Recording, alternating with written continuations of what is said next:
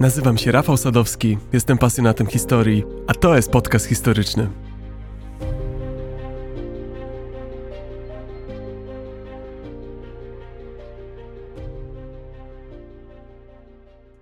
Wyobraźcie sobie tętniące życiem miasto. Miasto, które powstało z popiołów tragicznej przeszłości. Miasto wypełnione życiem i odgłosami ludzi wykonujących swoje codzienne obowiązki. W tym mieście jest niezliczona ilość atrakcji do odwiedzenia, ale jest jedna, którą w szczególności wszyscy polecają wam, aby zobaczyć. Zatrudniacie więc przewodnika, który z poważnym wyrazem twarzy prowadzi was i waszych współtowarzyszy do pozornie nieciekawego miejsca. Miejsce to nie jest niczym nadzwyczajnym. To dawny sad i pole, otoczone bujną zielenią, wszystko skąpane w słońcu. Ale po tym, gdy wchodzicie do środka tego sadu, coś się zmienia. Zaczynacie odczuwać ciężar historii, która wydaje się kryć w ziemi, na której właśnie stoicie. Zwiedzając ten teren, zauważacie na pozór zwykłe tabliczki i znaczniki muzealne. Ale coś jest nie tak. Powietrze wydaje się być gęste. Wyczuwa się wszechogarniające poczucie smutku, które zdaje się wisieć nad całą okolicą. Wasz przewodnik tymczasem oprowadza was po miejscu, z każdym przystankiem odsłaniając migawki czasów, które dawno minęły, a uczucie niepokoju wciąż rośnie. I wówczas docieracie do ostatniego eksponatu. Przewodnik robi przerwę, bierze głęboki oddech i zaczyna mówić ściszonym głosem. Szanowni Państwo, to, co zaraz ujrzycie, nie jest przeznaczone dla osób o słabych nerwach. Cała grupa milknie, a wy podążacie w kierunku ekspozycji, przygotowując się na kompletnie nieznane. W miarę jak zbliżacie się do miejsca, gdzie stoi przewodnik, uświadamiacie sobie, że to nie jest typowy eksponat, którego się spodziewaliście. Zamiast tego wpatrujecie się w skrawek ziemi. Ale to nie jest zwykła gleba. Ta ziemia wydaje się żyć własnym życiem. Szepcze do was, opowiada wam swoją makabryczną historię. Z ziemi wystają bowiem ludzkie kości. Czaszki, kości udowe, żebra, setki, tysiące, wszystkie splątane razem w makabrycznym tańcu z piaskiem, który je otacza. Kiedy uderza was ogrom tej sceny, z grupy wydobywa się krzyk. Niektórzy zaczynają płakać. Te kości, tak niewinnie leżące, dobitnie przypominają o życiu, które zostało bestialsko skradzione. Wówczas wasz przewodnik zaczyna opowiadać. Mówi, że te szczątki należą do ofiar brutalnego i opresyjnego reżimu, który kiedyś rządził tą ziemią żelazną ręką i pozostawił po sobie tylko szlak cierpienia. Tożsamość tego reżimu pozostanie jeszcze przez moment owiana tajemnicą, ale po dzisiejszym odcinku odkryjecie straszną prawdę, kryjącą się za tymi kośćmi i mroczną historię, która kryje się pod azjatycką ziemią. Moi drodzy, zapraszam Was, abyście dziś towarzyszyli mi w odkrywaniu prawdy o tym miejscu i siłach, które je ukształtowały. Kim byli architekci tego horroru? Jak dostali się do władzy? I jaki wpływ miały ich rządy na ten piękny kraj? W dzisiejszym odcinku podcastu historycznego zagłębiamy się w czas i miejsce, które na zawsze zostało naznaczone bliznami przez bezwzględny reżim. Wyobraźcie sobie koktajl najgorszych ludzkich cech. Niepohamowana żądza władzy, paranoja, rasizm, ksenofobia, żądny krwi nacjonalizm, terror. Wyobraźcie sobie teraz reżim, który bierze to wszystko i zaczyna systematycznie demontować całą tkankę społeczną, eliminuje indywidualizm, miażdży podstawowe komórki społeczne, rodziny. Efektem tego równania jest koszmarna rzeczywistość, jaką była demokratyczna Kampucza, czyli państwo kambodżańskie pod rządami czerwonych Kmerów. Mniej niż 50 lat temu od 1975 do 1979 roku Kambodża znajdowała się pod tyrańskim uciskiem czerwonych Khmerów, komunistycznej organizacji kierowanej przez niesławnego Pol Pota. Czerwoni Kmerzy dążyli do stworzenia socjalistycznej utopii. Chcieli przekształcić Kambodżę w ostateczny, całkowicie komunistyczny raj. Ale droga do tego zwichrowanego raju była wybrukowana martwymi ciałami i zniszczonymi życiami tych, których uznano za zbędnych. Dziesiątki tysięcy ludzi zostały zmuszonych do przymusowej pracy w obozach. Tam pracowali do granic wytrzymałości. Byli niedożywieni i torturowani, a wszystko to w imię realizacji tego obłąkanego marzenia. Rządy czerwonych Khmerów były naznaczone masową przemocą i wszechobecnym widmem śmierci, które wisiało nad ludnością Kambodży. Intelektualiści, przywódcy religijni i właściwie wszyscy, którzy stanowili choć najmniejsze zagrożenie dla reżimu, byli uniwersalnie eliminowani. Zabijano każdego, kto choćby nosił okulary albo mówił w obcym języku. Uznawano go bowiem za wroga rewolucji. Ta paranoja przysiąkła nawet przez szeregi kmerów, a kierownictwo partii widziało zdrajców i szpiegów na każdym rogu. Czystki trwały i nie ustawały, pochłaniając przy tym samych członków partii. Mężczyźni, kobiety, dzieci wszyscy padali ofiarami tej bezsensownej brutalności. To była zbrodnia przeciwko ludzkości, która na cztery długie lata szpeciła każdy zakątek Kambodży. A gdy w grudniu 78 roku Wietnam w końcu zainterweniował, to zawodowa armia potrzebowała zaledwie dwa tygodnie, by położyć kres szaleństwu i wyzwolić steroryzowanych mieszkańców Kambodży ze szponów czerwonych kmerów. Skala okrucieństw popełnianych przez czerwonych kmerów jest porażająca. Dziedzictwo cierpienia zaś, jakie pozostawili po sobie, utrzymuje się do dziś. Ludzie, którzy przeżyli oraz rodziny ofiar wciąż zmagają się z efektami okrucieństwa, którego doświadczali i którego byli świadkami. Rządy czerwonych kmerów są dobitnym przypomnieniem katastrofalnych konsekwencji, jakie pojawiają się, gdy pozbawieni wyobraźni dowódcy zaczynają realizować utopijne plany. Życie ponad dwóch milionów Kambodżan, Wietnamczyków, Tajów, Chińczyków czy Czamów zostało przerwane, pozostawiając po sobie naród na zawsze naznaczony widmem Polpota i jego popleczników. A zatem zapnijcie pasy.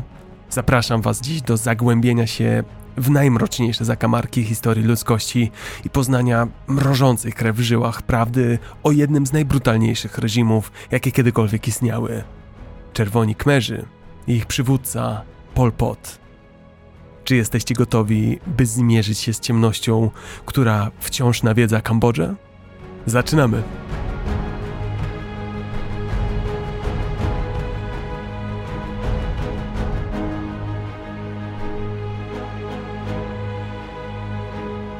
Moi drodzy, nim zagłębimy się w fascynującą głębię dzisiejszej historii, przyszedł czas, abym wyraził chwilę szczerego uznania dla tych hojnych dusz, dzięki którym ten podcast jest możliwy. Z głębi serca dziękuję Wam za Wasz wkład, drodzy patroni. Nie tylko wspieracie ten podcast, ale także pomagacie utrzymać płomień historii przy życiu. Przyczyniacie się do głębszego zrozumienia naszej przeszłości i inspirujecie niezliczoną liczbę innych osób do dołączenia do naszej niesamowitej, historycznej, wspólnej przygody. Ja mam ogromną frajdę z tworzenia dla Was tego podcastu, a Wy macie radość z jego słuchania. Wydaje mi się, że to idealna symbioza. Poświęcę teraz chwilę, aby wyróżnić kilka z tych niezwykłych osób, które wnoszą znaczący wkład do podcastu. Nie mogę wystarczająco podkreślić, jak wiele dla mnie tak duże wsparcie znaczy. A są to Grzegorz, Bartas, Michał, Jarosław, Aurido, cztery kropki, Agnieszka, Kacper, Janek, Grzegorz, Daniel, Wojciech, Michał, Krystyna, Marcin, Mariusz, Rafał, Łukasz, Adam, Kamila, Paweł, Lukas, Adrian, Dawid, Damian, Monika, Kamil, Krzysztof, Mirek z Danusią, Maria, Jacek, Karol, Ewa, Tomasz, Zbigniew, Mateusz, Dominika, Wojciech, Filip, Nidal, Marta z Konradem, Marek, Piotr i Barbara. Z całego serca dziękuję Wam, drodzy patroni, że jesteście. A my tymczasem wracamy do naszej historii.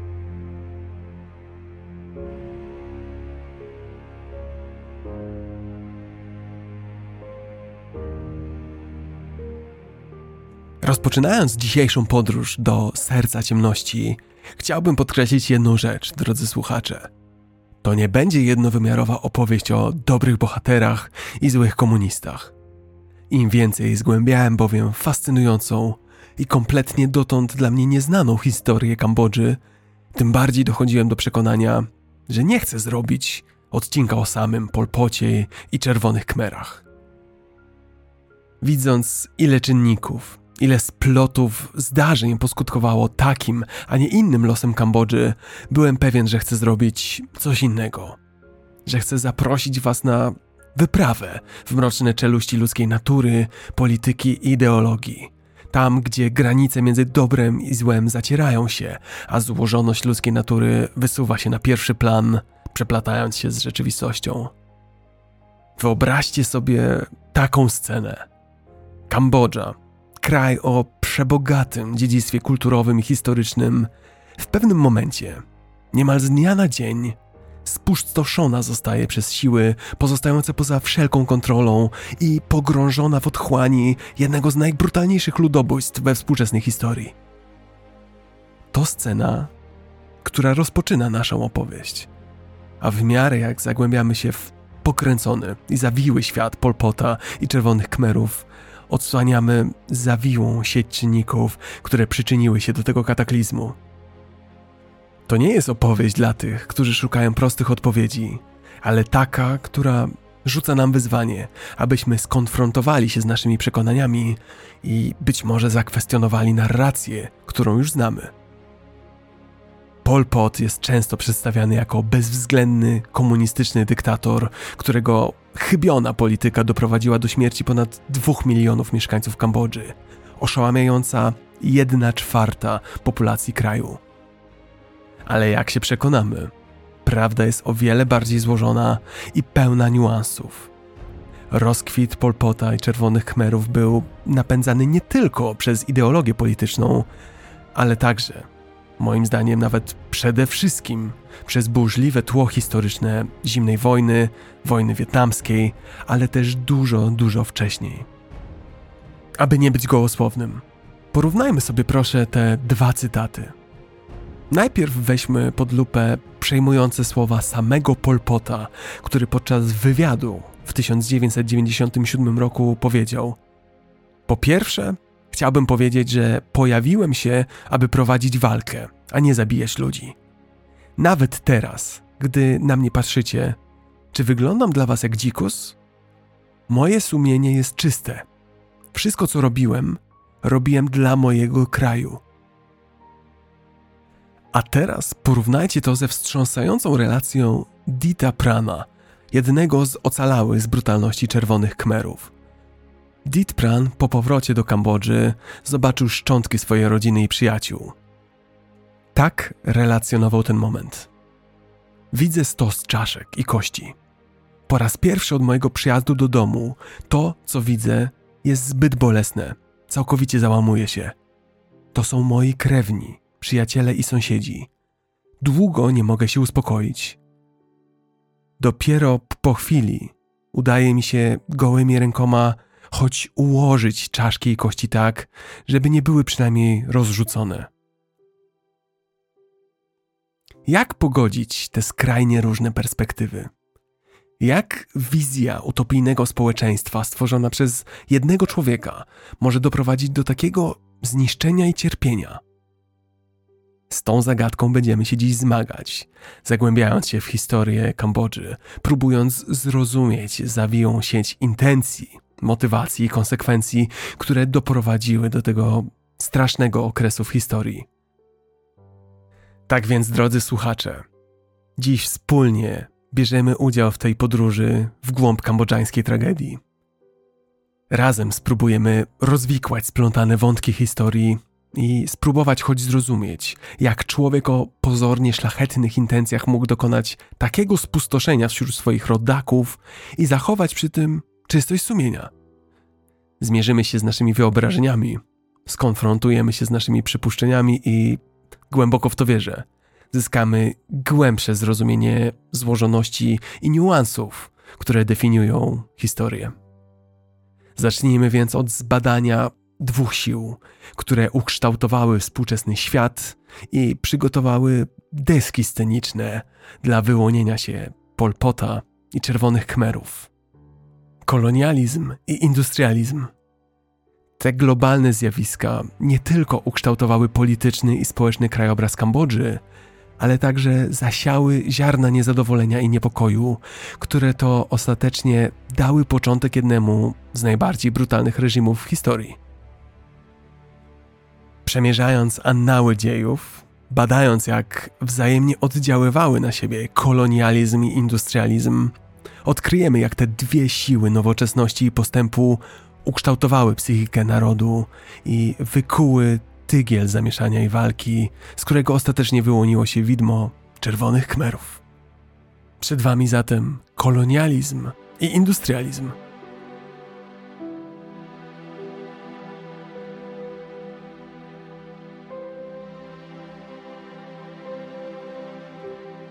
Czym tak naprawdę jest kolonia? Najprościej rzecz ujmując, kolonia to terytorium pod kontrolą danego kraju, będące poza jego granicami. Terytorium często wykorzystywane do celów gospodarczych czy strategicznych. Wbrew pozorom, kolonia to nie nowoczesna koncepcja. To idea sięgająca czasów imperiów, takich jak Rzymianie w Iberii, Chińczycy w południowych Chinach, czy starożytni Grecy i Fenicjanie w basenie Morza Śródziemnego. Ale jak w przypadku wielu innych rzeczy, gra zmieniła się całkowicie w erze wielkich odkryć geograficznych, kiedy to europejskie mocarstwa rzuciły się w wir kolonializmu, kolonializmu napędzanego połączeniem interesów handlowych i duchem eksploracji. Pomyślcie sobie o ironii historii, kiedy pozytywne zjawiska, takie jak pragnienie eksplorowania i chęć poszerzania sieci handlowych, mogą wywoływać ponure konsekwencje. Tak właśnie stało się z erą odkryć, katalizatorem rozprzestrzeniania się nowego zjawiska europejskiego kolonializmu na całym świecie.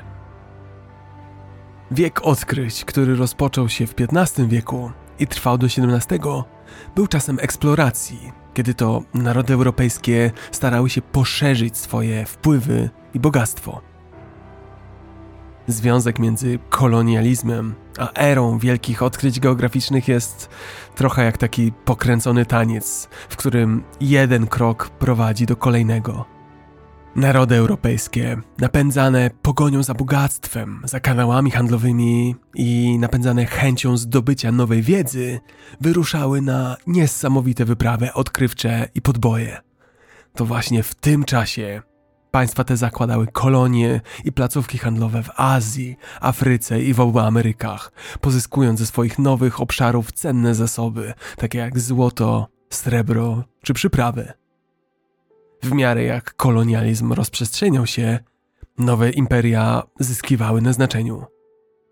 Portugalia na przykład stworzyła pierwszą globalną sieć handlową, a Hiszpania Hiszpania zbudowała rozległe imperium, które obejmowało Europę, obie Ameryki, Afrykę i Azję. U szczytu swej potęgi imperium hiszpańskie było tak ogromne, że nazywano je imperium, nad którym nigdy nie zachodzi słońce. Było bowiem tak rozległe, że w dowolnym momencie na którejś jego części był właśnie dzień. Wkrótce jednak pojawiły się inne imperia, takie jak francuskie, angielskie, holenderskie czy japońskie – Każde z tych mocarstw pozostawiło swój ślad na świecie, wpływając nie tylko na podbijane przez siebie ziemię, ale także na szerszy bieg historii. Ale kolonializm to dopiero początek. Gdy świat stawał się coraz bardziej połączony, a narzędzia eksploracji coraz bardziej zaawansowane, nadeszła wówczas kolejna fala globalnej ekspansji, tym razem napędzana przez rewolucję przemysłową. Witajcie w erze nowego imperializmu czasie, gdy ambicje potęg kolonialnych osiągnęły nowe, nieznane dotąd szczyty. Nowy imperializm to czas pomiędzy końcem XIX i początkiem XX wieku. To czas, który był świadkiem potężnego zaangażowania Europy, Stanów Zjednoczonych i Japonii w coraz bardziej agresywną i rozległą formę kolonializmu. Tym razem punkt ciężkości przesunął się ze zwykłej eksploracji i handlu na sprawowanie formalnej kontroli politycznej, ekonomicznej i społecznej nad nowymi terytoriami. Konsekwencje takiego nowego podejścia były poważne, gdyż kolonizowane ludy utraciły kontrolę nad swoimi ziemiami, zasobami i kulturami. Co zatem odróżnia nowy imperializm od poprzedniego wieku odkryć geograficznych? Po pierwsze, zmienili się główni gracze. Wielka Brytania, Francja i Niemcy znalazły się w centrum uwagi, podczas gdy Hiszpania i Portugalia odeszły na dalszy plan. Ponadto, podczas gdy era wielkich odkryć kierowała się niewinnymi celami eksploracją, handlem, poszukiwaniem wiedzy to nowy imperializm był już bezwzględny. Chodziło o zakładanie formalnych kolonii i sprawowanie bezpośredniej kontroli nad terytoriami. Era odkryć miała zdecentralizowane podejście, a poszczególni odkrywcy i handlarze działali niezależnie od swoich krajów. Z kolei nowy imperializm był już ekspansją sponsorowaną przez państwo, ekspansją, w której rządy i korporacje odgrywały znacznie większą rolę w zdobywaniu i zarządzaniu koloniami. W tym też okresie pojawiły się nowe technologie i innowacje, które jeszcze bardziej podsycały ambicje tych ekspansywnych potęg. Te dwa okresy historyczne, czas wielkich odkryć geograficznych i nowy imperializm, choć mają pewne podobieństwa, to reprezentują różne podejścia i różne motywy europejskich ekspansji i kolonizacji. I choć na pozór żadne z nich nie wydaje się z natury złe, to historia, jak się ma okazać, pełna będzie nieoczekiwanych zwrotów akcji, a dążenie do eksploracji i zysku prowadzić może do złowrogich zakątków ludzkiej natury. O czym mowa? Otóż istnieje jeszcze jedna fundamentalna różnica między wiekiem odkryć a nowym imperializmem. Różnica, która wykracza poza kwestie chronologiczne czy geograficzne. Mowa o sile napędowej każdej z tych epok. Dla nowego imperializmu katalizatorem była niemożliwość odkrywania nowych zakątków naszej Ziemi, ale wybuchająca właśnie rewolucja, rewolucja przemysłowa.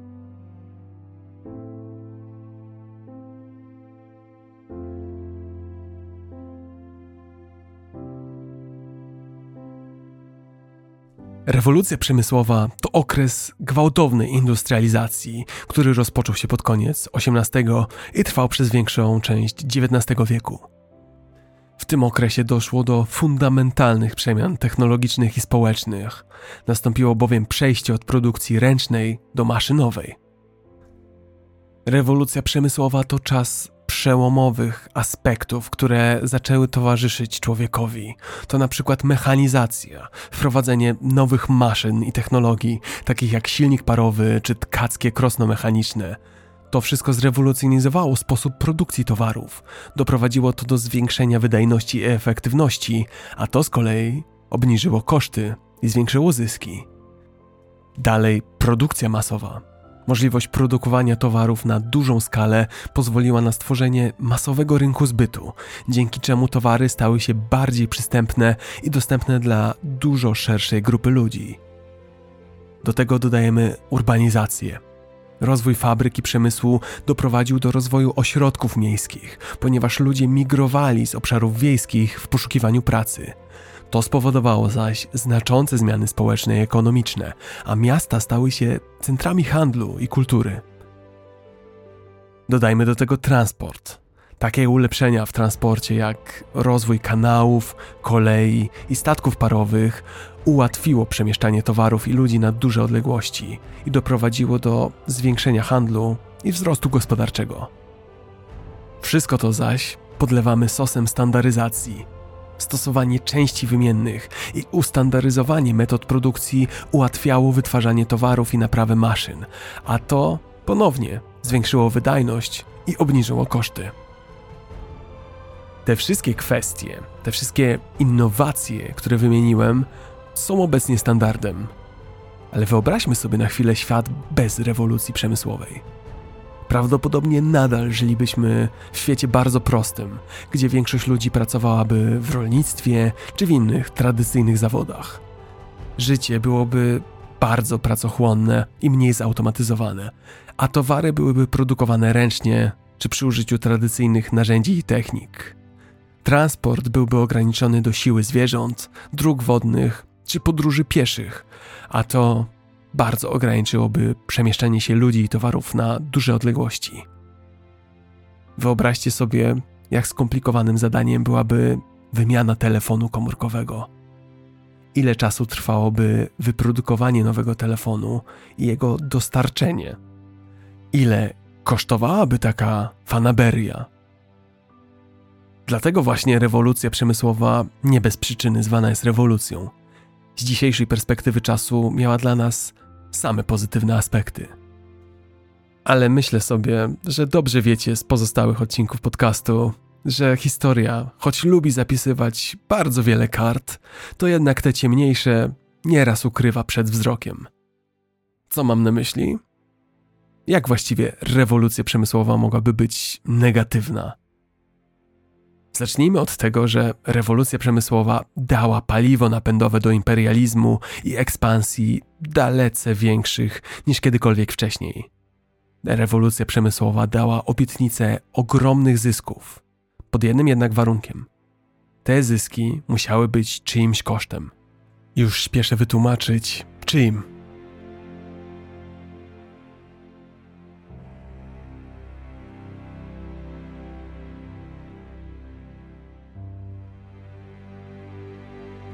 Wyobraźcie sobie świat w fazie zmian. Świat, w którym koła zębate zakładów produkcyjnych pracują i przekształcają tkankę społeczną. Rewolucja przemysłowa jest w pełnym rozkwicie, stanowi siłę, z którą należy się liczyć. Tworzy nową erę władzy i bogactwa, ale także zaczyna rzucać mroczny cień na cały świat. Ten nienasycony motor postępu ma jednak jedną wadę – potrzebuje dużo zasobów, aby ciągle być w ruchu. Ten głód surowców, to pragnienie dominacji wysyła europejskie potęgi na podboje o epickich rozmiarach. Europa zaczyna wyciągać ręce na cały świat, zaczyna chwytać się obfitych skarbów Afryki, kość słoniowa, kauczuk, złoto, diamenty, inne precjoza, Wiatr zmian zaczyna wiać coraz mocniej, gdy amerykańska wojna secesyjna tworzy rozpaczliwe zapotrzebowanie na bawełnę, zmuszając Zachód do przeczesywania Afryki, Indii i Chin w poszukiwaniu nowych źródeł siły roboczej i ziemi. Ale potęgi kolonialne nie zadowalają się samymi zasobami. Chcą również zdominować lokalne rynki. Zaczynają zmuszać kolonizowanych ludzi do uległości niszczyć wszelkie nadzieje na konkurencję i nie pozostawiają im wyboru. Mogą tylko kupować europejskie towary. Ogromne rynki tekstylne Azji stają się główną nagrodą, z Indiami jako perłą w koronie. Również Afryka jest postrzegana jako żyzny grunt do sprzedaży produktów skolonizowanym ludziom. Nie ma mowy o wzajemnym szacunku. Jak powiedział Cecil Rhodes, magnat diamentowy, jeśli Bóg istnieje, to z pewnością chciałby, abyśmy zajęli jak największą część mapy Afryki. Istotnie, druga połowa XIX wieku to czas niepohamowanego imperializmu.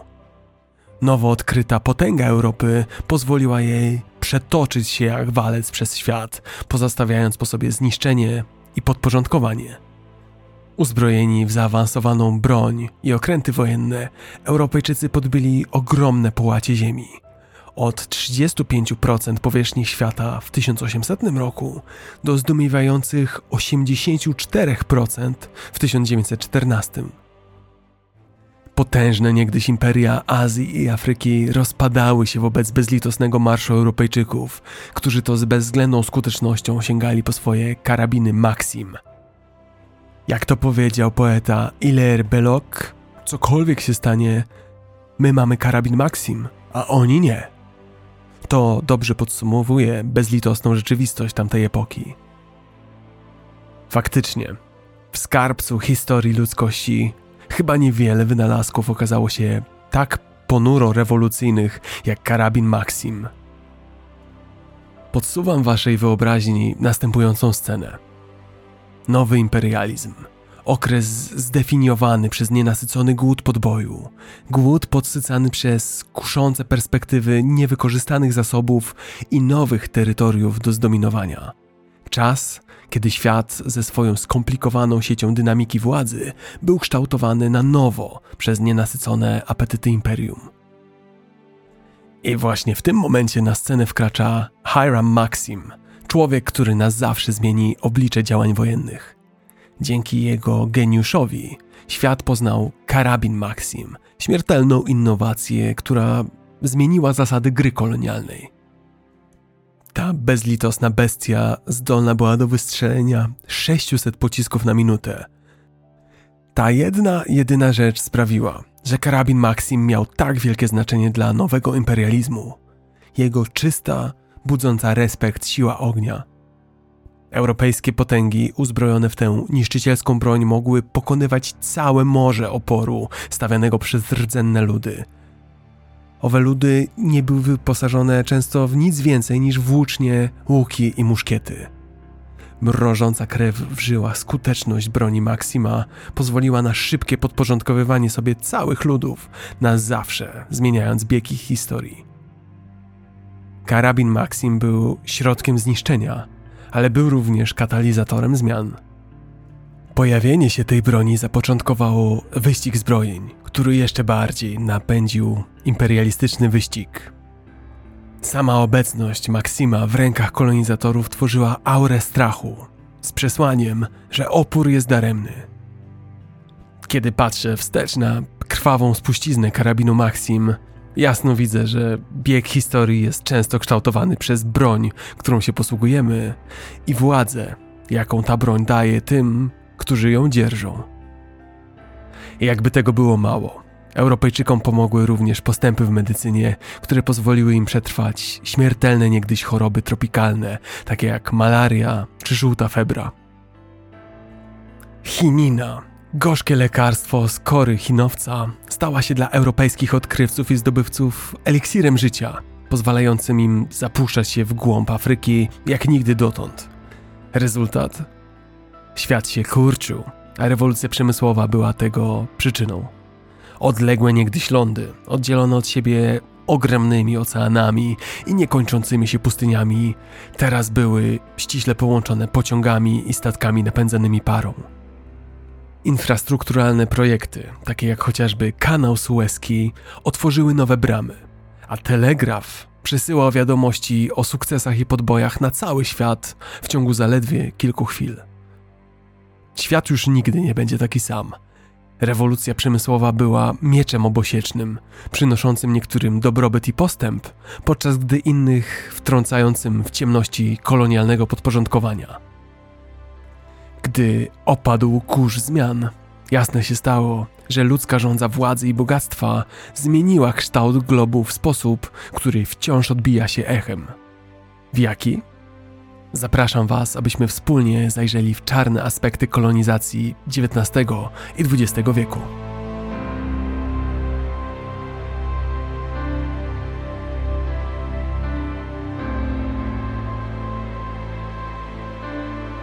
Odkryjmy ciemną stronę kolonializmu, pokręconej i zgubnej siły, która rozciąga się na XIX i XX wiek.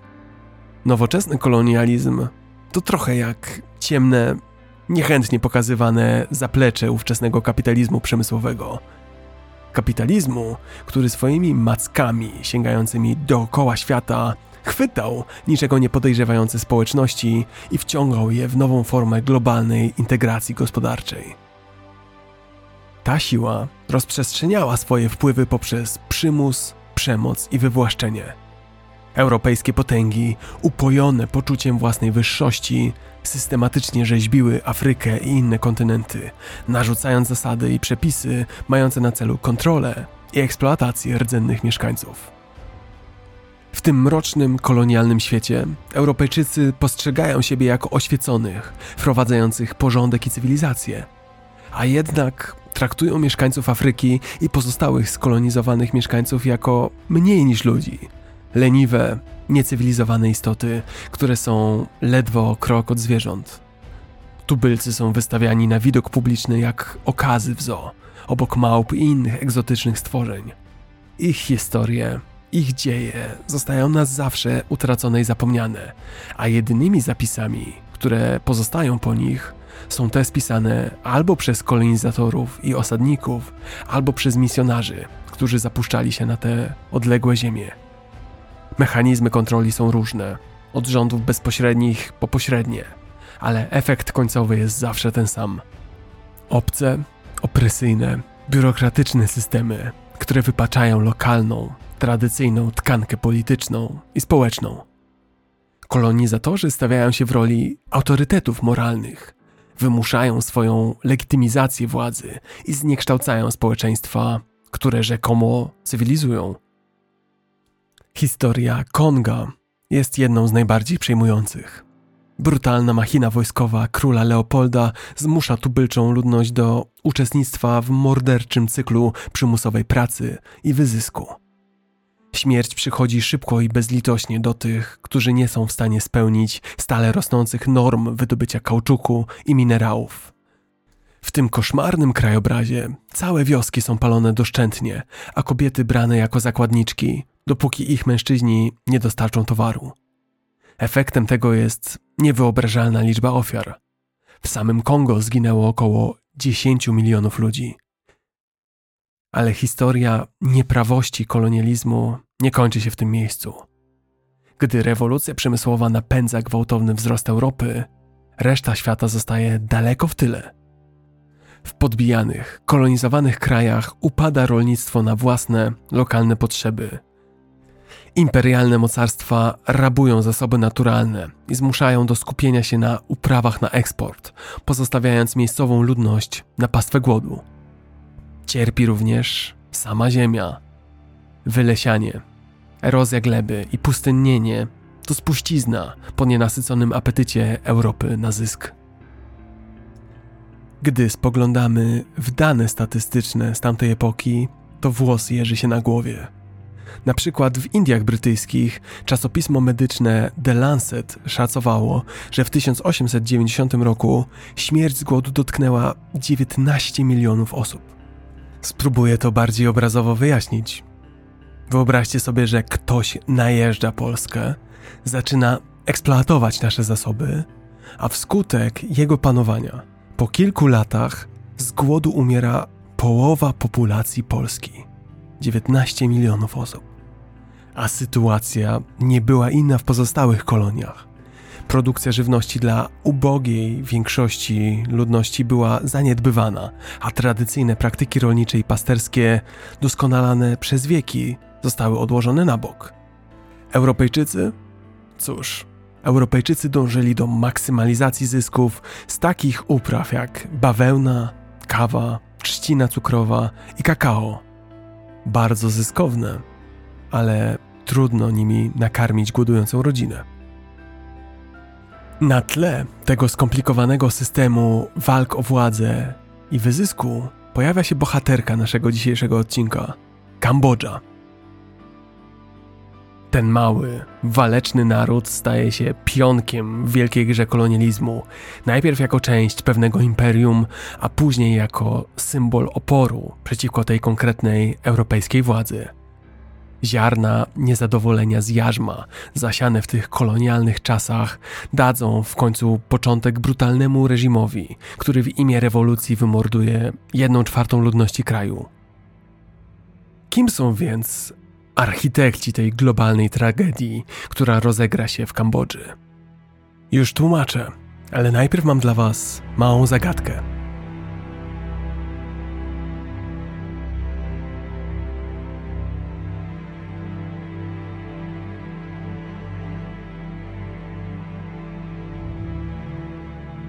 Spróbujcie proszę zgadnąć, kto wypowiedział następujące słowa. Panowie, musimy mówić głośniej i bardziej szczerze. Musimy otwarcie powiedzieć, że istotnie rasy wyższe mają prawo nad rasami niższymi. Powtarzam, rasy wyższe mają prawo, ponieważ mają obowiązek. mają obowiązek cywilizować niższe rasy. W historii wcześniejszych wieków obowiązki te panowie często były źle rozumiane i z pewnością, gdy hiszpańscy żołnierze i odkrywcy wprowadzili niewolnictwo do Ameryki Środkowej, nie wypełnili swojego obowiązku jako ludzie wyższej rasy. Ale podkreślam, w naszych czasach narody europejskie usprawiedliwione są hojnością, wielkością i szczerością tego nadrzędnego cywilizacyjnego obowiązku. Kto jest autorem tych słów? Spodziewalibyśmy się tak potwornych sentymentów od osobowości pokroju chociażby Józefa Goebbelsa. Ale prawda jest inna. Te słowa wypowiedział nie kto inny jak Jules Ferry, były premier Francji, a miało to miejsce w 1884 roku. Francuskie imperium kolonialne, napędzane toksyczną mieszanką konkurencji, interesów handlowych i przekonania o wyższości własnej kultury, wkrótce odciśnie na świecie trwałe i niszczące piętno. Od pustyń Afryki Północnej po dżunglę Azji Południowo-Wschodniej, francuskie imperium kolonialne rozpościera swoje macki na całym świecie, szerząc doktrynę imperializmu kulturowego i zmieniając życie milionów ludzi. W szczytowym momencie imperium francuskie obejmuje oszałamiającą powierzchnię prawie 13 milionów kilometrów kwadratowych. To ponad 8,5% powierzchni lądowej całego świata. Ekspansja Francji napędzana jest nie tylko pragnieniem bogactwa i władzy, ale także jeszcze jedną rzeczą przekonaniem, że to oni, Francuzi, są dzierżycielami oświecenia, mistrzami demokracji i strażnikami kultury. To przekonanie o własnej wyższości zaślepia Francuzów na rasizm i uprzedzenia, które leżą u podstaw ich projektu kolonialnego. Chociaż deklarują, że promują demokrację i kulturę francuską, to w rzeczywistości tworzą system, który marginalizuje i uciska ludność tubylczą. Francuzi mogli uważać się za cywilizatorów, ale spuścizna ich rządów to wyzysk, cierpienie i zniszczenie środowiska. W połowie XIX wieku francuskie imperium kieruje swój wzrok na mały, bezbronny kraj w Azji Południowo-Wschodniej, na Kambodżę nękana wewnętrznymi konfliktami, zagrożona przez potężnych sąsiadów takich jak Syjam, czyli Tajlandia i Wietnam, Kambodża jest łatwa do zdobycia. I tak oto Francuzi wkraczają do akcji, rozszerzając swój kolonialny majestat na ten odległy zakątek świata. Gdy Francuzi umacniają swoją kontrolę nad Kambodżą, narzucają swoje własne systemy administracyjne i porządek społeczny, kształtując kraj tak, by odpowiadał ich własnym potrzebom. Rdzenna ludność cierpi pod jarzmem kolonialnych rządów, a niechęć kumuluje się tuż pod powierzchnią. Przez lata ten gniew i frustracja będą narastać, aż w końcu wybuchną w postaci gwałtownej i krwawej rewolucji. Kiedy opadnie kurz, świat będzie z przerażeniem patrzył na masakrę, która dokona się w Kambodży. Do władzy dojdzie brutalny reżim, zdecydowany oczyścić naród z pozostałej plamy kolonializmu. Ten reżim, dążąc do zemsty i oczyszczenia, popełni niewypowiedziane okrucieństwa, mordując ćwierć własnego narodu w pokrętnej i tragicznej próbie naprawienia krzywd z przeszłości. Oto opowieść o kolonializmie, wyzysku i niewyobrażalnym cierpieniu, z widmem francuskiego imperium, które wisieć będzie nad całą naszą narracją. Od salonów władzy w Paryżu, po skromne wioski w Kambodży, historia kolonializmu to historia chciwości, arogancji i okrutnego lekceważenia życia i kultury tych, którzy znaleźli się w jego zasięgu. I kiedy jesteśmy świadkami okropności przeszłości, musimy zadać sobie takie pytanie: jakie lekcje możemy wyciągać z mrocznych rozdziałów historii ludzkości? Jak zapewniać, by takie okrucieństwa nigdy się nie powtarzały, a duchy kolonializmu zostały ostatecznie pogrzebane? Odpowiadam. Moim zdaniem tylko przez konfrontację z prawdą, tylko przez spojrzenie w głąb cieni naszej przyszłości. Tylko w ten sposób możemy mieć nadzieję na stworzenie jaśniejszej, bardziej sprawiedliwej przyszłości dla wszystkich. A zatem odwiedźmy wspólnie Kambodżę i przeżyjmy na nowo wydarzenia, które na zawsze ukształtowały jej historię i historię świata. Zapraszam Was w dalszą część naszej dzisiejszej historycznej wojaży. Przed Wami Kambodża.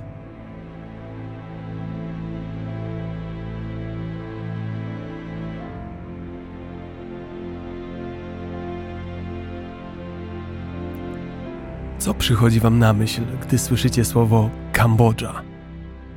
Zapewne Azja Południowo-Wschodnia, kraj bogaty w dziedzictwo kulturowe, naturalne piękno, coś w ten deseń, prawda?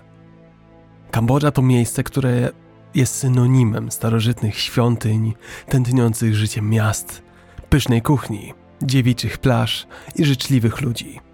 Dla nas, ludzi z zachodu, Kambodża to turystyczny raj. Weźmy na przykład Angkor Wat. Ten kolosalny, dwunastowieczny kompleks świątynny jest największym na świecie zabytkiem sakralnym, przyciągającym turystów z całego świata. Siem Reap, brama do Angkor Wat, szczyci się tętniącym życiem nocnym, gwarnymi targami i cudami architektury. Phnom Penh, stolica Kambodży, to kwitnąca metropolia z intrygującą mieszanką historii, kultury i francuskiej architektury kolonialnej. Dalej jezioro Tonle Sap, największe jezioro tamtej części Azji, tętniące bioróżnorodnością i unikalnymi ekosystemami, a nad tym jeziorem pływające wioski osadzone na palach. Nie zapominajmy też o kuszącej fuzji smaków, które składają się na kuchnię kambodżańską, ani o skąpanych w słońcu plażach. Ale zajrzyjmy głębiej. Pod powierzchnią piękna Kambodży kryje się mroczna, pokręcona opowieść. Zbliżamy się do serca ideologii, która dała początek potężnemu nacjonalizmowi. W centrum tego wszystkiego znajduje się zaś rdzenna ludność Kambodży Khmerowie. To właśnie ci ludzie, Khmerowie, są kluczem do rozwikłania zawiłej sieci komunizmu, nacjonalizmu i historycznych odniesień, które stały się sztandarem czerwonych Khmerów. Poznajmy ich zatem.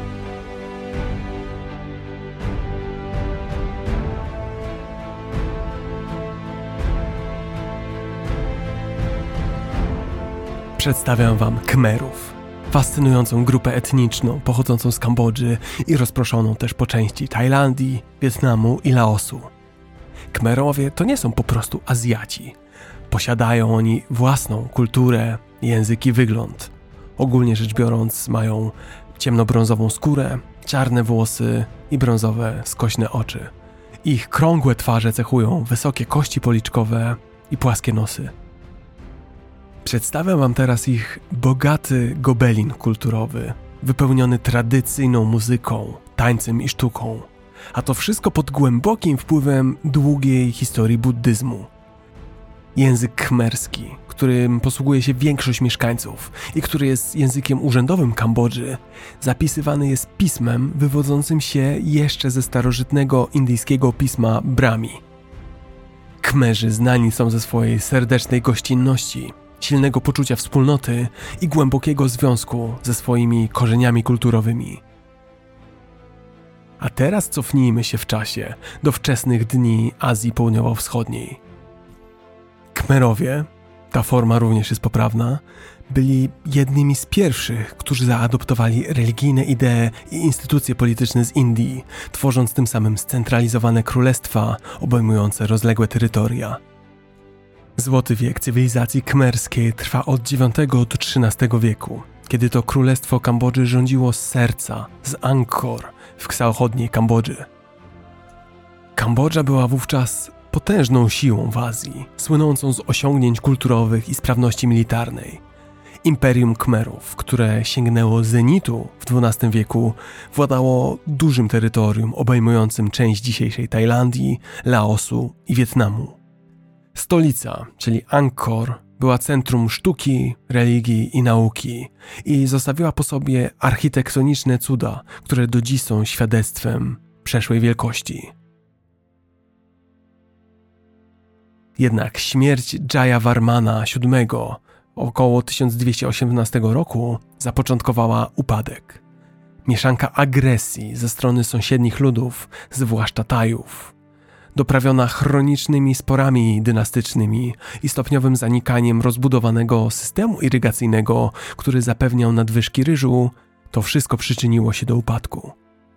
Monarchia przetrwała do 1431 roku, kiedy to Tajowie zdobyli Angkor Thom, zmuszając króla Kambodży do ucieczki na południe. Przeskakujemy teraz do XVI wieku, a Kambodża wówczas jest targana polityczną niestabilnością i regresem. Pojawiają się wewnętrzne konflikty i zewnętrzne naciski ze strony sąsiednich mocarstw. Do tego hiszpańscy i portugalscy poszukiwacze przygód i misjonarze. Przez następne trzy stulecia Królestwo Khmerów staje się państwem wasalnym, w którym na zmianę rządzą królowie tajscy i wietnamscy. Dalej widzimy całą serię słabych i nieefektywnych królów, jeden po drugim, z których żaden nie jest w stanie obronić Kambodży przed zagrożeniami z zewnątrz. Tajskie królestwo rozrasta się kosztem Kambodży, a zasiedlenie delty Mekongu przez Wietnam prowadzi do aneksji najbogatszego terytorium Kambodży, odcinając ją od wybrzeża. Spójrzcie zresztą na mapę. Kambodża leży niemal w kleszczach pomiędzy Tajlandią z zachodu a Wietnamem na wschodzie. Nie jest to pozycja godna pozazdroszczenia. Wreszcie król Kambodży, Ang Eng, przywraca nieco stabilności i porządku, ale jego następcom nie udaje się jej utrzymać, przez co Kambodża znowu podupada. W XIX wieku Kambodża znalazła się w ogniu walki o władzę między Wietnamem a Tajlandią, które dążyły do przejęcia kontroli nad tym strategicznie cennym krajem. Rozpoczął się okres niestabilności i konfliktów, w którym władcy Kambodży starali się pogodzić sprzeczne interesy sąsiadów, zachowując przy tym choć trochę niezależności. Zapamiętajcie proszę ten kluczowy fragment historii. Wieczna nieufność i niezgoda Kambodży z sąsiadującymi Wietnamem i Tajlandią, rosnąca z roku na rok. To napięcie między sąsiadami odegra kluczową rolę w historii, która niebawem się rozwinie. To właśnie ta imperialistyczna polityka zasiała w narodzie Kmerów ziarno głębokiej nieufności, podejrzliwości, a nawet cichej wrogości wobec ich sąsiadów. Ta nieufność przerodziła się w brutalną konfrontację, gdy czerwoni kmerzy przejęli władzę w 75 roku. Ale nie uprzedzajmy faktów. Wówczas bowiem, w XIX wieku, ponownie los nie był po stronie Kambodży. Jakby mało miała bowiem kłopotów, zainteresowała się nią Francja. W połowie XIX wieku Kambodża została wplątana w walkę o władzę między Francją a Wietnamem. Ci dwaj giganci walczyli o wpływy w regionie, a los Kambodży wisiał na włosku. Francuzi, choć mieli dobre intencje, jedynie skomplikowali sytuację Kambodży. Przyjrzyjmy się zatem, dlaczego Francja, ta imperialna Francja, zainteresowała się losem Kambodży i co miała jej do zaoferowania.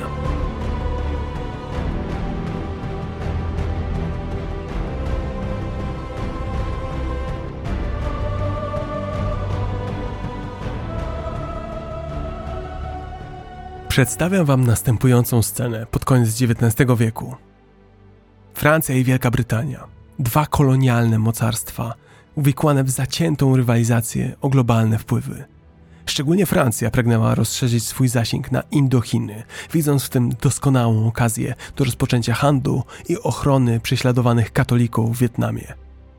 Kiedy rząd wietnamski odmówił współpracy, Francja naprężyła swoje wojskowe muskuły, przejmując kontrolę nad Saigonem i okolicznymi prowincjami. W oczach francuskiego rządu Kambodża była ukrytym klejnotem, który tylko czekał na to, by go odkryć. Los chciał, że wówczas król Kambodży Ang Duong potrzebował ochrony, nawet i francuskiej, zarówno przed Tajami, jak i Wietnamczykami.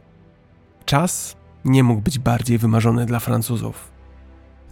W tamtym czasie bowiem francuska opinia publiczna była zafascynowana podróżami przyrodnika Henri Mouot, który to na nowo odkrył wspaniałe ruiny Ankoru, rozpalając francuską ciekawość co do potencjalnie niewykorzystanych bogactw królestwa i potencjału, jaki niosłaby rzeka Mekong jako brama do Chin. I tak oto w sierpniu 1863 roku podpisano traktat.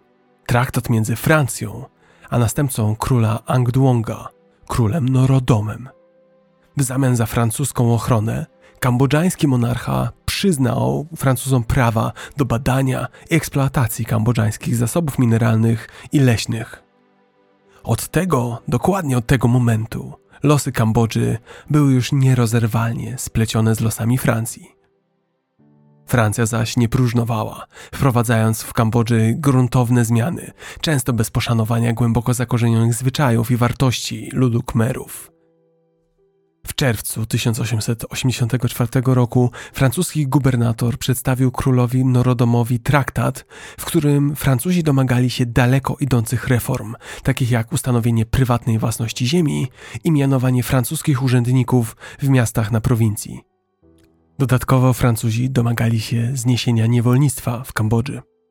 Pod presją francuskiego okrętu wojennego na rzece, król niechętnie złożył podpis pod traktatem. Ale naród kambodżański nie dał się tak łatwo przekonać. Szczególnie miejscowe elity oburzyły się na te zmiany, zwłaszcza te dotyczące niewolnictwa. Wkrótce w całym kraju wybuchły bunty. Po raz pierwszy w historii Kambodży Ludzie zwrócili się przeciwko swojemu królowi, do czego mieli zresztą wewnętrzną zachętę. Mocno podjudzała ich bogata szlachta i członkowie rodziny królewskiej. Francuzi nieumyślnie zjednoczyli naród w opozycji do własnego władcy. Rebelie wkrótce zostały stłumione, a traktat ratyfikowany, ale ludność Kambodży dalej stawiała opór, opóźniając wdrażanie reform aż do śmierci króla Norodoma. Dopiero wówczas w pełni rozpoczął się francuski okres kolonialny. Francuska machina zmian szła dalej. Do października 1887 roku Francja proklamowała Unię Indochińską, która to objęła Kambodżę, Laos i trzy regiony Wietnamu. Tajlandii udało się zachować niepodległość, ale nie bez ustępstw terytorialnych na rzecz Francji i Wielkiej Brytanii. Suwerenność Kambodży była, jak widzicie, tak mała, że nie miała nawet prawa oponować przeciwko temu, by musieć wejść do Unii, w której kolejnym członkiem był znienawidzony Wietnam. W miarę zaś, jak Francuzi zaciśniali swoją kontrolę nad Kambodżą, monarchia została zdegradowana do roli ledwie figuranta – Kolonialna biurokracja szybko się rozrastała. Obywatele francuscy przyjeżdżali z Paryża i zajmowali najwyższe stanowiska, a Kmerzy mieli niewielkie możliwości jakiegokolwiek rozwoju. W 1904 roku, po śmierci króla Norodoma, jego brat Sisowat objął tron przy wsparciu Francji. Sisowat, ku niezadowoleniu całego kraju, był postrzegany jako skłonny do współpracy z Francuzami, jako kolaborator. I faktycznie jego rządy cechowało posłuszeństwo wobec francuskiej władzy. Podczas gdy Francuzi sprawowali kontrolę nad Kambodżą, historia powoli zaczęła przygotowywać sceny na burzliwą przyszłość. Nasiona buntu zostały zasiane głęboko w sercach mieszkańców Kambodży. Przed nami zatem dalsze losy i fascynująca, złożona historia Kambodży. Przed nami okres kolonizacji francuskiej i powstanie czerwonych Khmerów. Mogę wam zdradzić już teraz, że Francuzi konsekwentnie pracowali na to, by na kambodżańskiej ziemi rósł opór i nacjonalizm.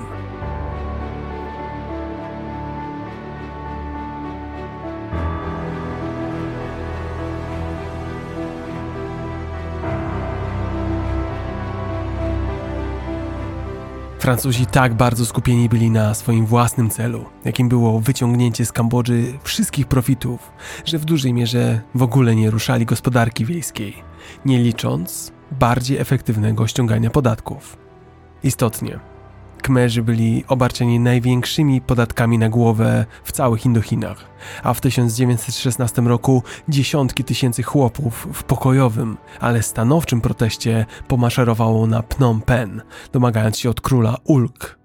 Zaszokowało to Francuzów, którzy nigdy nie wyobrażali sobie, że pozornie, bezwolni Kambodżanie mogą zorganizować masowy protest to właśnie podatki i również lichwa przygniatały chłopów pod francuskim panowaniem kolonialnym. Przy stopach procentowych sięgających oszałamiających 100 do 200% wielu popadło w dzielenie się uprawą albo nawet bezrolność. Pomimo zniesienia feudalnego posiadania ziemi, stare elity nadal utrzymywały kontrolę nad wsią. Napięcia i konflikty wrzały pod powierzchnią, ukryte pod płaszczykiem spokoju w wiejskich wioskach Kmerów. Jeśli zaś chodzi o infrastrukturę, to Francuzi zbudowali raptem niewielką sieć dróg i kolei łączące stolice z granicą Tajlandii. Uprawa kauczuku i kukurydzy kwitła, a żyzne kambodżańskie prowincje stały się ryżowymi koszykami Indochin. Lata dwudzieste były czasem wzrostu gospodarczego, napędzanego przez globalny popyt kauczuku, ryżu i kukurydzy. Nic jednak nie trwa wiecznie, a światowa recesja, która nastąpiła w 1929 roku, przyniosła ogromne cierpienie, zwłaszcza rolnikom uprawiającym ryż. Padli oni ofiarą lichwiarzy, gdy ich przychody gwałtownie zmalały. Przemysł Kambodży był zupełnie podstawowy i skupiał się na przetwarzaniu surowców, takich jak kauczuk, na rynki lokalne i zagraniczne. Gospodarka była zdominowana przez cudzoziemców, zwłaszcza Wietnamczyków, którzy pracowali na plantacjach kauczuku, w rządzie, jako rybacy i właściciele małych firm. Chińczycy, od dawna obecni w Kambodży, nadal kontrolowali handel pod rządami Francji, rozwijając rozległe sieci w Indochinach i Azji Południowo-Wschodniej. Wielu Kambodżan czuło się mocno niezadowolonych z tego, że jako część Unii Indochińskich byli rządzeni przez obcą potęgę i przez obcych sąsiadów. Co o tym wszystkim myślicie? Jasne jest, że Francuzi mieli Kambodżę wyłącznie za rejon, który potencjalnie może okazać się korzystny biznesowo. Z całą pewnością za nic mieli lokalne tradycje, ale też oddolne potrzeby Khmerów. Wszystko było podporządkowane pod zysk. Istotnie, zaślepieni pogonią za zyskiem Francuzi nie dostrzegli tego, że pod ich nosem zakorzeniły się nasiona kambodżańskiego nacjonalizmu, podsycane przez samą ich obecność i charakter ich rządów. Ale Kambodża nie była jedynym krajem w dwudziestowiecznym świecie, w którym ziarna nacjonalizmu padały na żyzną glebę. Początek XX wieku to czas, gdy świat zaczął na nowo rysować mapy całego globu. Posłuchajcie tylko.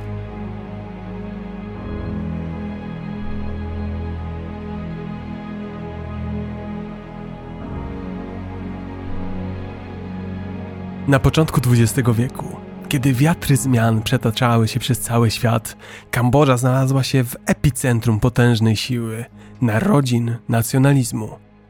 Był to czas, gdy dotychczasowe imperia drżały, a nowe narody starały się wywalczyć swoje pozycje. Mało znana historia kambodżańskiego nacjonalizmu to historia fascynujących zwrotów akcji i skomplikowanych sieci sojuszy, z których myślę, że dumny byłby sam Machiavelli. A zatem jest początek XX wieku, a francuskie imperium kolonialne sprawuje zdecydowaną kontrolę nad Kambodżą. Jednak miejscowi zaczynają męczyć się pod jarzmem swoich kolonialnych panów. Wyczuwalne są pierwsze oznaki powstawania nacjonalizmu, niczym fala pływowa, która zaczynała tworzyć się w oddali. Ta fala to było pragnienie wolności. I to właśnie w tym morzu niezadowolenia zaczęły pojawiać się odważne, wizjonierskie jednostki, które odważyły się marzyć o niepodległej i zjednoczonej Kambodży. W latach 20. i 30. XX wieku doszło do głosu kilku wpływowych kambodżańskich intelektualistów, którzy podsycali nastroje nacjonalistyczne, promując kmerską kulturę, język i historię. Ci ojcowie założyciele kambodżańskiego nacjonalizmu ryzykowali życiem, by zachować tożsamość swego narodu i położyć fundamenty pod przyszłość wolną od obcego panowania. Ale co właściwie powołało do życia tę potężną azjatycką narodową ideę. Jak to się stało, że naród, który od wieków miał problemy ze swoją tożsamością, nagle zaczął podnosić głowę i zaciskać pięści, zaczął sobie przypominać odległe czasy kmerskiego imperium. Mało tego, zaczął chcieć wrócić do tych czasów. Poznajmy składniki, które wykuły kambodżański ruch nacjonalistyczny, przekształcając go z płomyka w buzujący ogień. Po pierwsze, francuscy kolonizatorzy, którzy szturmem wkroczyli na scenę, przynosząc ze sobą szereg zachodnich oświeceniowych idei, ale także, i to trzeba im oddać, szans na edukację. To zetknięcie z tymi nowymi sposobami myślenia sprawiło, że niektóre z najlepszych umysłów Kambodży zaczęły kwestionować jarzmo obcych rządów, rozpalając pragnienie samostanowienia o przyszłości. Z pomocą przyszedł też buddyzm, święty kamień węgielny kambodżańskiego stylu życia. Dla wielu nacjonalistów ta duchowa kotwica stała się okrzykiem mobilizacyjnym, jednoczącą siłą, która miała połączyć naród w obliczu przeciwności. Następnie gospodarka. Gdy gospodarka zaczęła się zmieniać, rozkwitająca kambodżańska klasa średnia dała poczucie mobilności społecznej, postępu Kambodżanie zasmakowali sukcesu i chcieli więcej. Ich apetyty zaostrzyły się na polityczną i ekonomiczną niezależność. Ostatnim elementem układanki była edukacja. Ukoronowaniem tego wszystkiego było powstanie w 1936 roku Nagarawatty, pierwszej kmerskojęzycznej gazety. Kierowana przez Son Nyoktana, ta rewolucyjna gazeta odważyła się krytykować francuską politykę kolonialną i ujawniać niesprawiedliwości, jakich doświadczał naród Kambodży. Nagarawatta służyła jako pokaz wolności dla narodu, inspirując innych do powstawania i odzyskiwania swojego dziedzictwa ze szponów francuskiej dominacji. A zatem idźmy dalej i razem zgłębiajmy tę porywającą opowieść o kambodżańskim nacjonalizmie. Lada moment miało bowiem wydarzyć się zdarzenie, które zdefiniuje historię Francji, a tym samym Kambodży.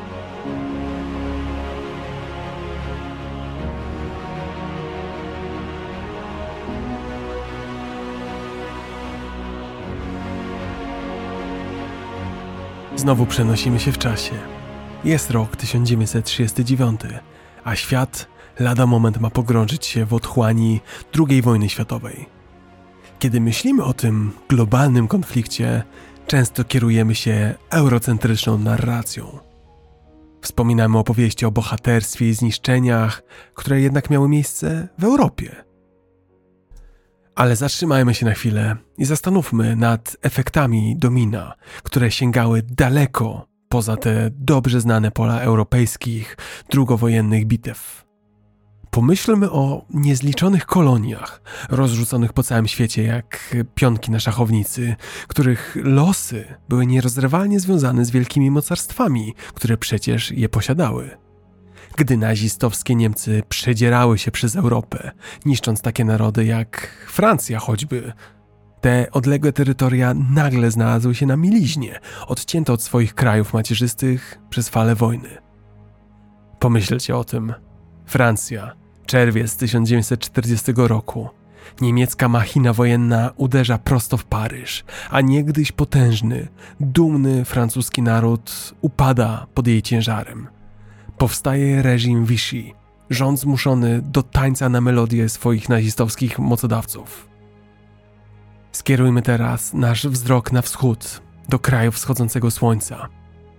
Japonia, w XX wieku naród rządny władzy i podboju, rozpoczęła kampanię azjatyckiej ekspansji.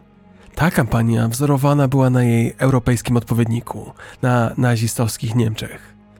Wietnam, Laos, właściwie całe Indochiny są ofiarą japońskich zapędów, aby odciąć dostawy towarów do Chin i tym samym przejąć życiodajne surowce. W Kambodży ludzie jednak byli względnie bezpieczni przed zniszczeniami wojennymi, które ogarnęły ich sąsiadów w Azji. Gdy wojska japońskie jednak przejmują kontrolę nad Wietnamem i rzucają cień swoich wpływów na cały region, wkraczają również do Kambodży, pozwalając jednak francuskim urzędnikom kolonialnym z Vichy na utrzymanie się na stanowiskach administracyjnych.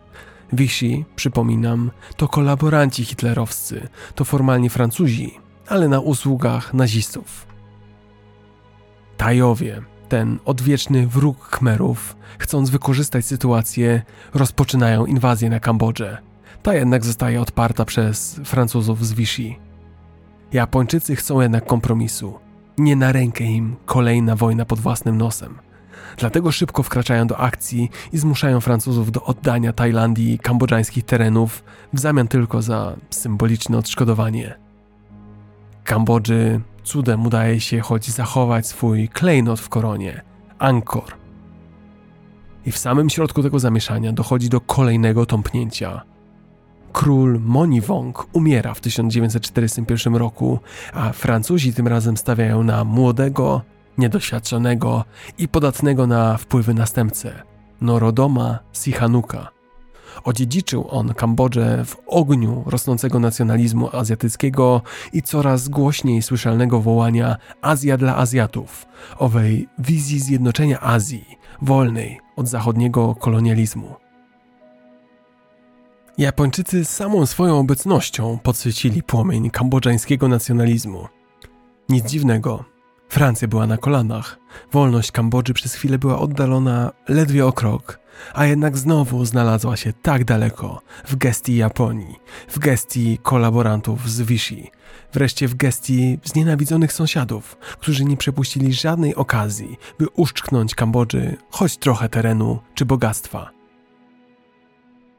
Ten nacjonalistyczny wywar zaczynał więc kipić w 1942 roku, kiedy to aresztowany zostaje wybitny buddyjski mnich Hem Chiu, wybucha protest prowadzony przez redaktorów wspomnianej gazety Nagaravatta.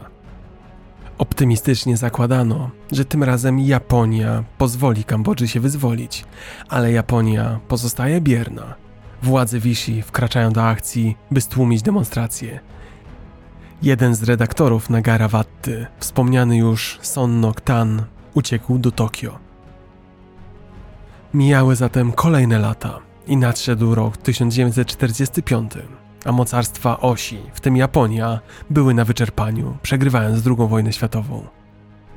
Dopiero wówczas, w ostatnich miesiącach wojny, Japończycy, chcąc zdobyć lokalne poparcie ludności, dali Kambodży bardzo cenny dar 9 marca 1945 roku rozwiązali francuską administrację kolonialną, wyzwalając jednocześnie Kambodżę i wzywając ją do ogłoszenia niepodległości. Na rezultaty nie trzeba było długo czekać. Cztery dni później król Sihanouk ogłosił niepodległą Kambodżę. Kambodża wreszcie się wyzwoliła. Ale czy na długo? Son Noktan, człowiek, którego przed chwilą wspomniałem, Człowiek, który uciekł ze stolicy Kambodży do Tokio, powrócił w maju i został mianowany przez Sihanuka ministrem spraw zagranicznych. 15 sierpnia 1945 roku, kiedy kapitulacja Japonii była odległa o tygodnie, powołano nowy rząd z Son Noktanem jako premierem. Sihanouk zaś dalej był królem. Wydawało się, że Kambodża otwiera nowy, lepszy rozdział historii. To właśnie tutaj zachodnie siły alianckie wykonały ruch, który stał się jednym z wielu kostek domina prowadzących do powstania czerwonych Kmerów. Japonia w wojnie, jak wiecie, stała po stronie mocarstw osi i podobnie jak nazistowskie Niemcy czy faszystowskie Włochy, przegrała wojnę. Kiedy w październiku siły alianckie zajęły Phnom Penh, Son Nok-tan został, nie zgadniecie, aresztowany za kolaborację z Japończykami i wysłany do Francji do aresztu domowego. W popłochu wielu z jego zwolenników uciekło do północno-zachodniej Kambodży, będącej wówczas pod kontrolą Tajlandii, i zjednoczyli się jako frakcja zwana Ruch Khmer i Sarak, Wolni Khmerzy. Jakie to miało konsekwencje dla losów Kambodży? O tym już za chwilę. Ale najpierw pozwólcie mi bardzo krótko podsumować dotychczasową historię.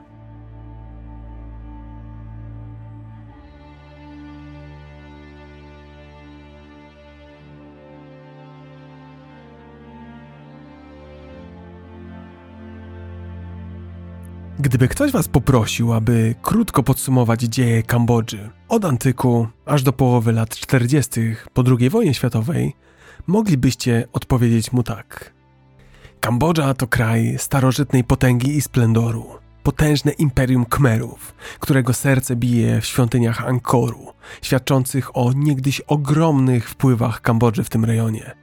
Ale jak wszystkie wielkie imperia, i to w końcu się rozsypało, a królestwo Khmerów znalazło się w wielowiekowej wojnie między Tajami i Wietnamczykami. Przeskakujemy do 1863 roku. Kambodżański król Norodom stawia karty na Francję, a francuska machina kolonialna wkracza do Kambodży, przekształcając ją w protektorat w ramach rozległego imperium indochińskiego. Żelazny ucisk francuskich rządów przynosi ogromne zmiany, wprowadzając Kambodżę w nowoczesną erę ze scentralizowanym rządem, elektryfikacją i nowymi sieciami transportowymi. Ale pod tą błyszczącą otoczką kryje się mroczna rzeczywistość. Wyzysk, dyskryminacja i niechęć do narzuconej przez Francuzów zachodniej kultury. Edukacja zapuszcza korzenie, ale francuski model przygotowuje Kambodżan do życia w podporządkowaniu, pozbawionego krytycznego myślenia i rozwoju intelektualnego. W miarę upływu dekad sytuacja zaczyna się zmieniać, a nad całą Azją zaczynają pojawiać się chmury nacjonalizmu. W latach 40. i 50. Indochiny znalazły się w wirze politycznych wstrząsów, napędzanych przez ruchy nacjonalistyczne i nastroje antykolonialne. Hasło Azja dla Azjatów rozbrzmiewa w całym kraju, a Kambodża znajduje się na rozdrożu, gotowa do wykucia własnej drogi do niepodległości. To właśnie w tym dziejowym momencie król Norodom Sihanouk zaczyna swoją przygodę z władzą. Ma za zadanie przeprowadzić swój naród przez te burzliwe czasy. Wyruszmy więc w wyprawę przez burzliwe morze walki o niepodległość Kambodży.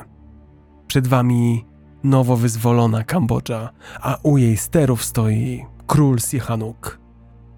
Jakimi zgłoskami król Sihanouk zapisze się na kartach historii i dlaczego nie będzie wielką przesadą stwierdzić, że Pol Pot zawdzięcza mu pośrednio dojście do władzy? O tym już za moment.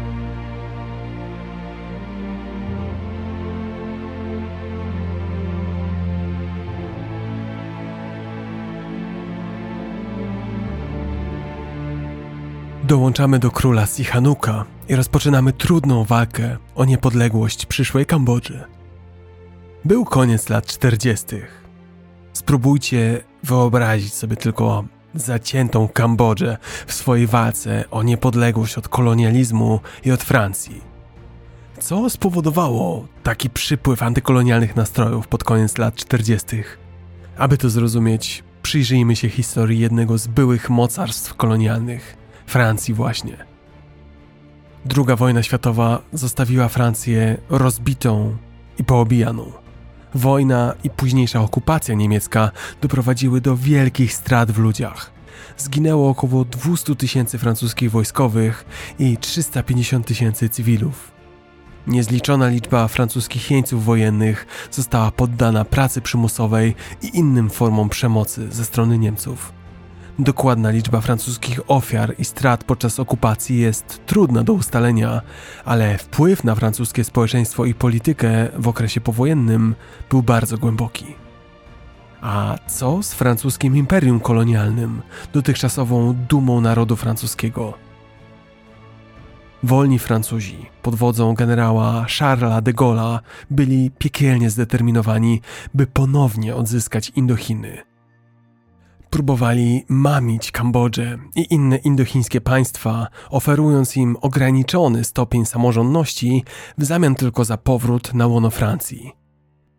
Przekonani o swojej cywilizacyjnej misji, Francuzi chcieli włączyć do Indochin swoje byłe kolonie, kolonie, które łączyło wspólne francuskie dziedzictwo kulturowe. Pamiętacie przecież, Pierwotną misją historyczną było szerzenie francuskiego oświecenia i francuskiej kultury na całym świecie. Teraz właśnie, po wojnie, Francuzi chcieli ponownie się do tego odwołać i niejako na fundamentach kolonizacji francuskiej na nowo zbudować coś w rodzaju federacji swoich byłych podopiecznych. Miejskie elity, ale także zwykli ludzie uznali ten układ za nieatrakcyjny. Dla Kambodżan ze wszystkich środowisk ten krótki okres niepodległości od marca do października 1945 roku był jak powiew świeżego powietrza. Powietrza, które pobudziło narodowego ducha. Letarg Kmerów należał już do przeszłości. Tym samym w stolicy, w Phnom Penh, Sihanouk znalazł się w pozycji niegodnej pozazdroszczenia. Klasyczny układ między młotem a kowadłem.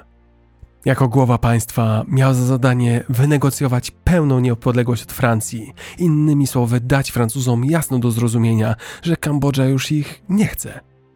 Jednocześnie Sihanouk musiał stawić czoła wszelkiej opozycji wewnętrznej, neutralizując polityków partyjnych i zwolenników zarówno Khmer i Sarak, jak i Viet Minh. Obie te grupy postrzegały Sihanouka jako francuskiego kolaboranta.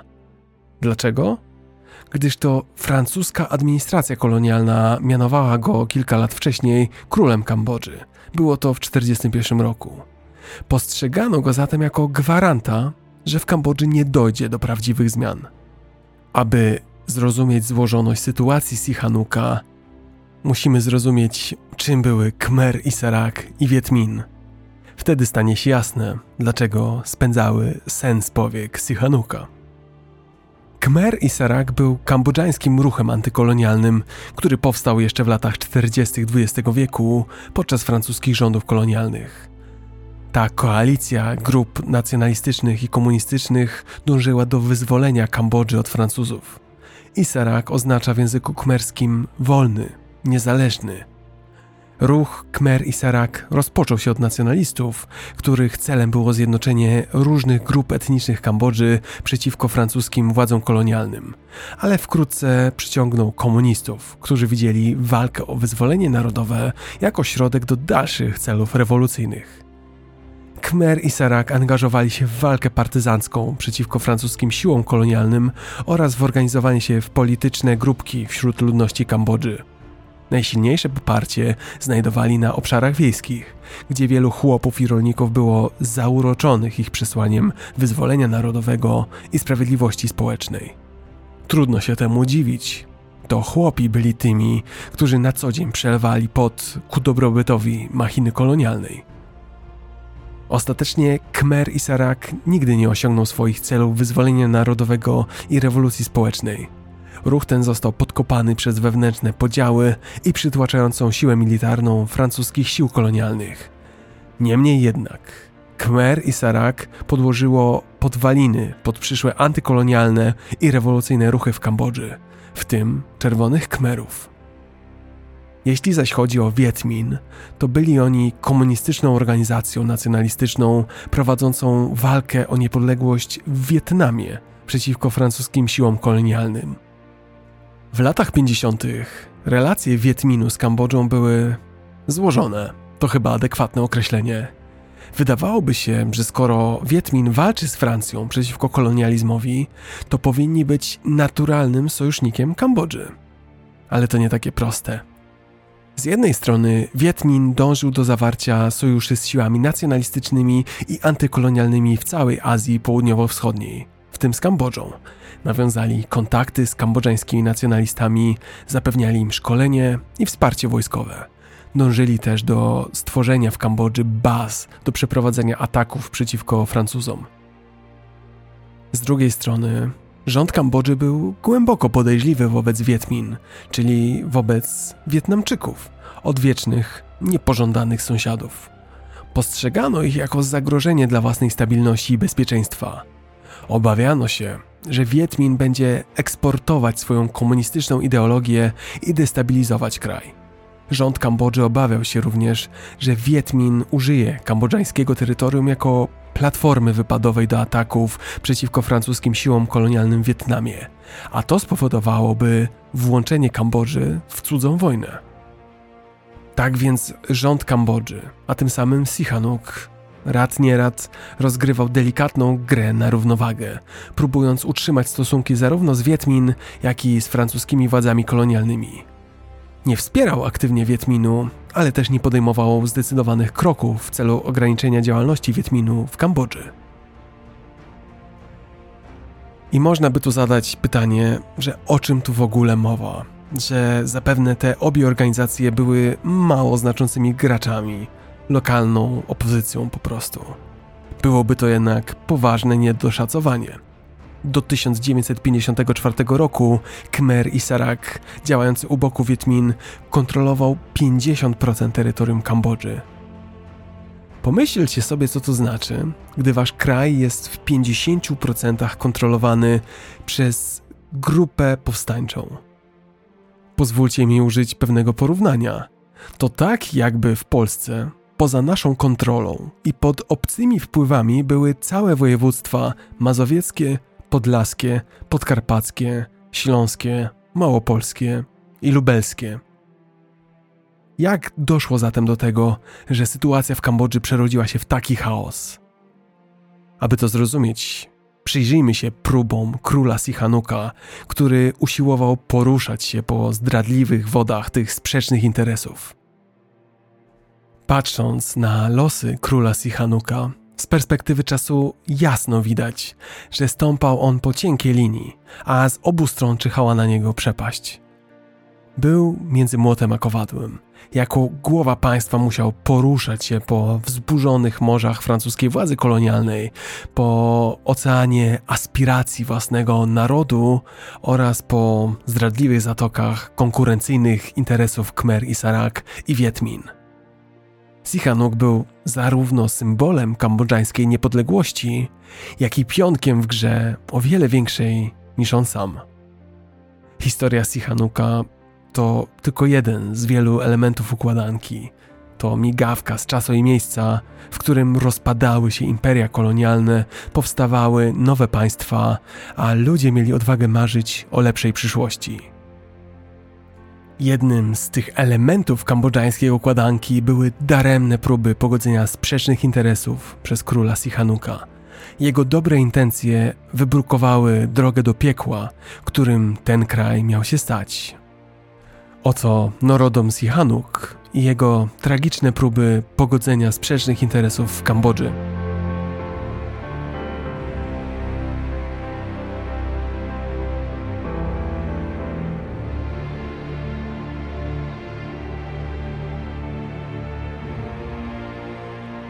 Chciałbym nakreślić wam obraz narodu, który wpadł w wir zmian, a zaraz po nim króla, który próbował równoważyć sprzeczne siły, które groziły rozerwaniem tego kraju. To właśnie historia Kambodży, gdzie mocarstwa kolonialne, ruchy nacjonalistyczne i powstanie niesławnych czerwonych Khmerów zderzą się w szalonym meczu o władzę i kontrolę. Jesteśmy w Kambodży po II wojnie światowej. Francuzi wciąż trzymając się marzeń o swojej cywilizacyjnej misji, próbują odzyskać Indochiny, Oferują jednocześnie coś w zamian. Wolne, choć ograniczone wybory. To posunięcie wabank. I za chwilę właśnie będziemy świadkami starcia ideologii i interesów. W obliczu nadchodzących wyborów powstają dwie główne partie polityczne, każda prowadzona przez księcia, każda o skrajnie różnych wizjach przyszłości Kambodży. Partia Demokratyczna chce natychmiastowej niepodległości, demokratycznych reform i rządu parlamentarnego. Partia Liberalna, wspierana przez stare, posiadające duże połacie ziemi elity wiejskie, dąży do bardziej ostrożnego podejścia do demokracji i opowiada się za utrzymaniem więzi z Francją. W 1946 roku odbywają się wybory i wygrywają demokraci, czyli ci, którzy chcą niepodległości, demokracji i parlamentu. Demokraci opracowali konstytucję, która próbowała wyważyć interesy, znaleźć złoty środek między Francuzami i Kmerami. W efekcie w założeniu przyznawała Kambodży coś, co określono jako 50% niepodległości. Ale ten półśrodek nie wystarcza szeregowym mieszkańcom Kambodży. Oni chcą mieć pełną kontrolę nad swoim losem. I tak napięcie dalej narasta. Między ten młot i kowadło wkracza król Sihanouk. Musi nawigować po wzburzonych morzach francuskiej władzy kolonialnej, po aspiracjach własnego narodu oraz po konkurencyjnych interesach Khmer i Sarak i Wietminhu. Jest symbolem kambodżańskiej niepodległości, ale też pionkiem w grze o bardzo wysoką stawkę. Jak myślicie, co w obliczu niezadowolenia narodowego zrobił Sihanouk? Czy zachował się ostrożnie, czy jednak poszedł na całość? Zdradzę, że to drugie. W śmiałym ruchu król Sihanouk odwołuje swój gabinet, zawiesza konstytucję i przejmuje kontrolę nad rządem jako premier. Sihanouk tym samym próbuje umocnić swoją władzę, a także zneutralizować trzy zagrożenia. Po pierwsze to płynące ze zbyt daleko w jego ocenie idących reform, które proponuje Partia Demokratyczna, a po drugie ze strony Khmer i Sarak i Vietmin. Ale przy okazji Sihanouk podgrzewa opozycję i przygotowuje scenę dla powstania Czerwonych Khmerów. Francuzi tymczasem ignorują króla. Sprawdzają zapewne, czy nie blefuje. Sfrustrowany brakiem postępów w sytuacji i czując presję rosnących niepokojów swojego narodu, Sihanouk rozpoczyna królewską krucjatę o niepodległość. W ramach zuchwałej gry udaje się na samo wygnanie. Odmawia powrotu do Kambodży, dopóki Francuzi nie przyznają jego krajowi całkowitej niepodległości. To ryzykowne posunięcie. Francuzi mogliby łatwo zastąpić go bardziej uległym monarchą. Ale szczęście jest po stronie króla Sihanuka. Rząd francuski, widząc jak daleko zaszły sprawy, w końcu się poddaje i przyznaje pełną niepodległość Kambodży, ale także Wietnamowi i Laosowi. Ma to miejsce w 1953 roku. Sihanouk powraca do Phnom Penh, do stolicy Kambodży, jako bohater. Osiągnął wszystko, co wydawało się niemożliwe. Kambodża wreszcie ma króla, lidera, ale wreszcie jest samodzielna, samostanowiąca. Francja Francja to już tylko wspomnienie przeszłości. Ale jak się wkrótce okaże, na tym historia się nie kończy. Odzyskana niepodległość Kambodży to dopiero początek burzliwego okresu w jej historii. Powstanie i upadek rządów Sihanuka stworzy scenę dla krwawych rządów czerwonych Khmerów i okrucieństw, które nastąpią później. Zanim to jednak się stanie, przenieśmy się na chwilę do naszej nowo wyzwolonej Kambodży do roku 1954. Zobaczmy, co król Sihanouk zrobi z władzą i wolnością, które mu powierzono. Zapraszam Was do Kambodży pod rządami Sihanuka.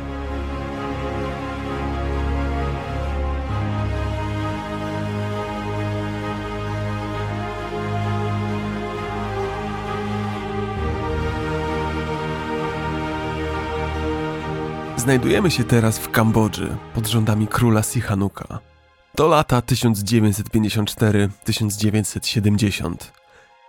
Wyobraźcie sobie to tylko, moi drodzy. Wczesne lata zimnej wojny. Kambodża.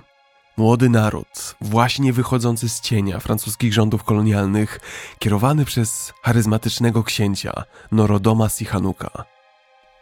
Norodom Sihanouk, mówię wam, to jak postać prosto ze starego hollywoodzkiego filmu. Ma urok, ma talent i ma silną, żelazną wolę. Ale jakim władcą był naprawdę? Sihanouk to kontrowersyjna postać w burzliwej powojennej historii Azji Południowo-Wschodniej. Przez jednych był postrzegany jako wielki patriota, człowiek, który poprowadził Kambodżę przez burzliwe wody dzięki swojej polityce ścisłej neutralności. Inni widzieli w nim próżnego i ekscentrycznego tyrana, który żelazną ręką trzymał władzę. A co Sihanouk myślał o sobie? Cóż, ten enigmatyczny książę widział samego siebie jako jedynego twórcę niepodległości Kambodży, lekceważył wkład innych nacjonalistów. Sihanouk rządził krajem jak starożytni królowie khmerscy, jakby państwo było przedłużeniem jego własnego domu – ale w przeciwieństwie do dawnych królów, Sihanouk miał rzeczywisty kontakt ze zwykłymi ludźmi. Podróżował po kraju, odwiedzał odległe wioski, rozmawiał z chłopami, nawet rozdawał prezenty. Jego nietypowe zachowania zaś, a bywało, że i dziwactwa, były postrzegane jako przejaw królewskiej charyzmy, a nie powód do jakiegokolwiek skandalu. Sihanouk nie przewidział jednak jednej rzeczy. Świat wokół niego zmieniał się, a w sąsiednim Wietnamie szalały wichry rewolucji. W latach 50. bowiem Francuzi byli uwikłani w walkę z wietnamskimi siłami nacjonalistycznymi, a kambodżańscy Khmer i Sarak zyskiwali przewagę. Świat wiedział, że coś trzeba zrobić. A tym czymś była konferencja genewska. Wyobraźcie sobie, że w 1954 roku, w samym sercu zimnej wojny, światowe mocarstwa zbierają się w Genewie. Cel? Po pierwsze, zakończyć pierwszą wojnę w Indochinach. Wojnę, która zakleszczyła Francję i Demokratyczną Republikę Wietnamu. Po drugie, zapewnić choć na miastkę pokoju w tym burzliwym rejonie. Spróbujcie wyobrazić sobie napięcie w powietrzu, gdy Francuzi, Wietmin, Amerykanie, Sowieci i Brytyjczycy kładą fundamenty pod tymczasowy podział Wietnamu. Co z tego wyniknie? Niepodległość dla Kambodży i Laosu pod czujnym okiem Francji i całkowicie wolne wybory w 1955 roku. Sihanouk ponownie poszedł na całość, abdykował z tronu królewskiego i stworzył własną partię Sankum Reastr Nium.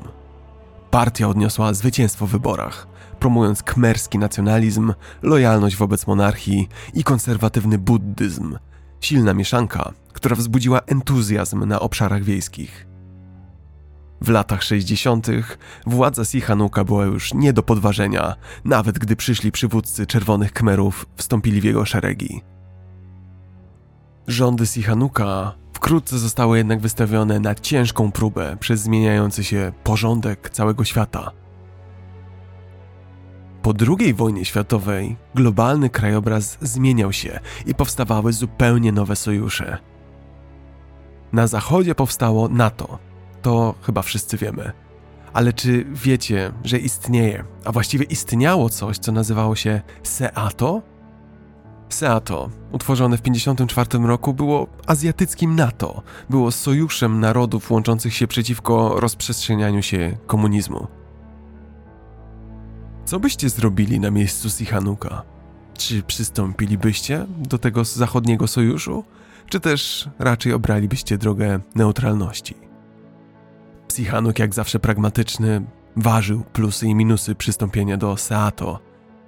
Ostatecznie był jednak nieufny wobec członków sojuszu, wśród których znajdowały się kraje, które ukrywały antysichanukowskich dysydentów.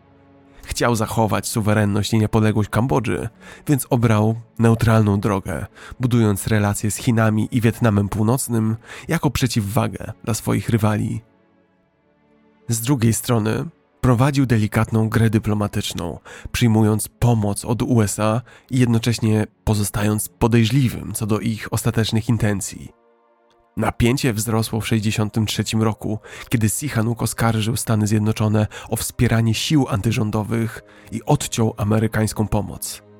Dopiero dwa lata później, w 1965 roku, stosunki zaczęły się rozluźniać, a Sihanouk pozwolił siłom amerykańskim i południowo-wietnamskim ścigać komunistów w Kambodży. Ale ten balans Sihanouka wkrótce zaczął tracić równowagę. Zaczął gubić rytm, a ziarna rewolucji w Kambodży zaczęły kiełkować. Przez to, że Sihanouk próbował godzić interesy absolutnie wszystkich, to zaczął być postrzegany jak chorągiewka, jak ktoś bez silnych poglądów. A przypominam, Kmerzy przyzwyczajeni byli do władzy silnej, władzy królewskiej, konkretnej. W miarę jakiego władza słabła, lewicowcy w Kambodży stawali się coraz śmielsi. Gdy burzliwe lata 60. dobiegały końca, delikatny taniec dyplomacji Sihanuka zaczął upadać. Neutralność Kambodży uległa osłabieniu, a kraj był coraz bardziej wciągany w wir sąsiedniej wojny wietnamskiej. I to właśnie wówczas, moi drodzy, w tym tyglu rewolucji i wojny, historia czerwonych Khmerów zaczęła nabierać kształtów. Owi fanatyczni lewicowcy, którzy niegdyś byli jedynie marginesem kambodżańskiej polityki, wkrótce mieli stać się sławni, kierowani bezwzględną i bezkompromisową wizją swojego kraju – W kolejnych latach z przerażeniem świat przyglądać się będzie, jak brutalny reżim Pol Pota i jego zwolenników rozpoczyna rządy terroru nad narodem kambodżańskim. Pozwólcie, że podzielę się krótką refleksją nad postacią króla Norodoma Sihanuka. Dla mnie był on człowiekiem, który balansował na granicy między patriotą a despotą, ale to jest mniej ważny aspekt tej postaci. To, co według mnie czyni jego postać tragiczną, to to, że z punktu widzenia historii jest człowiekiem, którego dziedzictwo na zawsze pozostanie w cieniu mroku, który po nim nastąpił. Nikt nie wspomina go jako króla Kambodży, który miał określony dorobek i który w pewnym momencie oddał władzę. Sihanouk z punktu widzenia historii to człowiek, który dobrymi intencjami wybrukował piekło, jakim miała stać się Kambodża. A zatem przygotujmy się na dalszą część dzisiejszej opowieści. Będziemy kontynuować rozwijanie wątków tej fascynującej, choć nieraz przerażającej historii. Takiej, która zostawi nas, obiecuję, z większą ilością pytań niż odpowiedzi, ale także przypomni nam o ludzkiej zdolności zarówno do wielkiego dobra, jak i niewypowiedzianego zła. Taka jest historia Kambodży, a żeby ją w pełni zrozumieć, zapraszam Was na podróż do świata idei. Zanurzmy się w sferze komunizmu.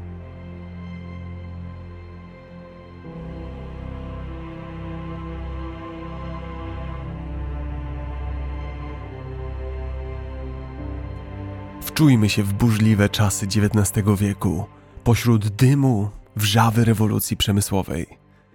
To właśnie w tym kalejdoskopie nierówności i zmagań między robotnikami a właścicielami fabryk, właśnie tam zaczyna kształtować się komunizm, radykalna ideologia, która dąży do obalenia samego fundamentu społeczeństwa i wylania tego fundamentu na nowo. Pomyślmy teraz o słynnych postaciach Karola Marksa i Fryderyka Engelsa. Błyskotliwe umysły opracowujące niesławny manifest komunistyczny, okrzyk zwołujący uciskaną klasę robotniczą. Ich wizja bezklasowa utopia, w której robotnicy, proletariat powstają przeciwko burżuazji i przejmują środki produkcji. Cel końcowy zniesienie własności prywatnej i zastąpienie jej własnością kolektywną, systemem, w którym bogactwo i władza są rozdzielane porówno, sprawiedliwie. Ale jak w przypadku wielu wielkich idei, diabeł tkwi w szczegółach. Droga do tej utopii jest wybrukowana krwią, potem i łzami. XX wiek obfituje w przykłady komunistycznych eksperymentów, które się nie powiodły. Weźmy na przykład Związek Radziecki pod żelazną ręką Józefa Stalina, albo Chiny Mao Tse-tunga, gdzie na ołtarzu ideologii składano w ofierze miliony ludzi. A jednak, pomimo chaosu i cierpienia, komunizm nadal urzeka wyobraźnię, ucieleśniając odwieczne ludzkie pragnienie sprawiedliwości, pragnienie równości. To idea, która nie chce umrzeć. Płomień, który migocze w ciemności, kwestionując status quo i namawiając wielu do marzeń o innym, lepszym świecie. Przewinimy teraz zegar do tyłu i zanurkujmy we wczesnych etapach kambodżańskiej lewicy. Historia komunizmu w Kambodży jest owiana tajemnicą, głównie dlatego, że tak wielu spośród zaangażowanych w nią nie przeżyło brutalnej ery polpotowskiej, demokratycznej Kampuczy.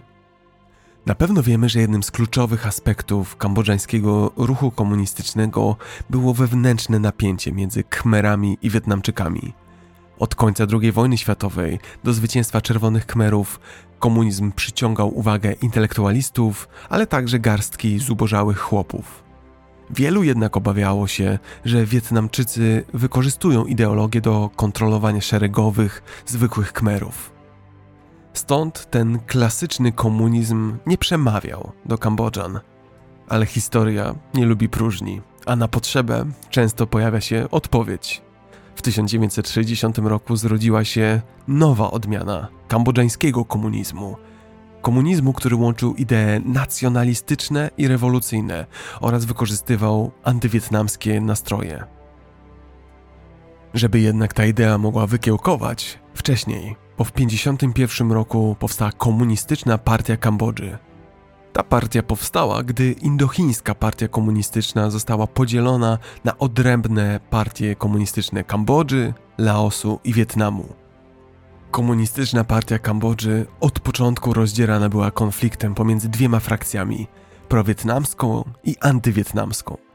Frakcja prowietnamska, kierowana przez Tu Samota, była ugodowa w stosunku do monarchii Norodoma Sihanouk'a. Ta druga, antywietnamska, na czele której stał Siu Heng, domagała się rewolucji i zarzucała wietnamskim komunistom zdradę, zdradę za niewynegocjowanie dla komunistów z Kambodży znaczącej roli na konferencji genewskiej w 1954 roku. Stopniowo wpływy w komunistycznej partii Kambodży zdobywała grupa skrajnie antywietnamska, tak zwana grupa paryska. Określana była ona później jako Czerwoni Kmerzy. Innymi słowy, w Kambodży w pewnym momencie powstała skrajna komunistyczna partia. W tej partii były dwa skrzydła, bardziej ugodowe i jeszcze bardziej skrajne. A wśród tego jeszcze bardziej skrajnego skrzydła pojawiło się te najbardziej ekstremalne czerwoni kmerzy. To właśnie o tej grupie chcę Wam teraz opowiedzieć. W tym czasie jednak osoba, która pewnego dnia miała stanąć na czele czerwonych kmerów, była zajęta czymś zupełnie innym niż polityka. Założę się, że nie zgadniecie, co w tym czasie robił człowiek, który 20 lat później będzie odpowiedzialny za 2,5 miliona ofiar. Otóż w latach 50. Pol Pot, znany wtedy jeszcze pod swoim rodzonym imieniem Salot Sar, był niepozornym studentem uczęszczającym na uniwersytet w Paryżu. Pomyślcie tylko, człowiek, który stał się synonimem terroru i zniszczenia, w latach 50. był po prostu pilnym studentem uczącym się w Paryżu. To tylko pokazuje, jak drastycznie mogą rozejść się ścieżki życia i jak najbardziej niepozorne osoby mogą stać się budowniczymi ludzkich okropności. A więc razem podróżujmy dalej po tych pokręconych ścieżkach historii. Opuśćmy na chwilę Azję i przenieśmy się do Paryża w lata 50.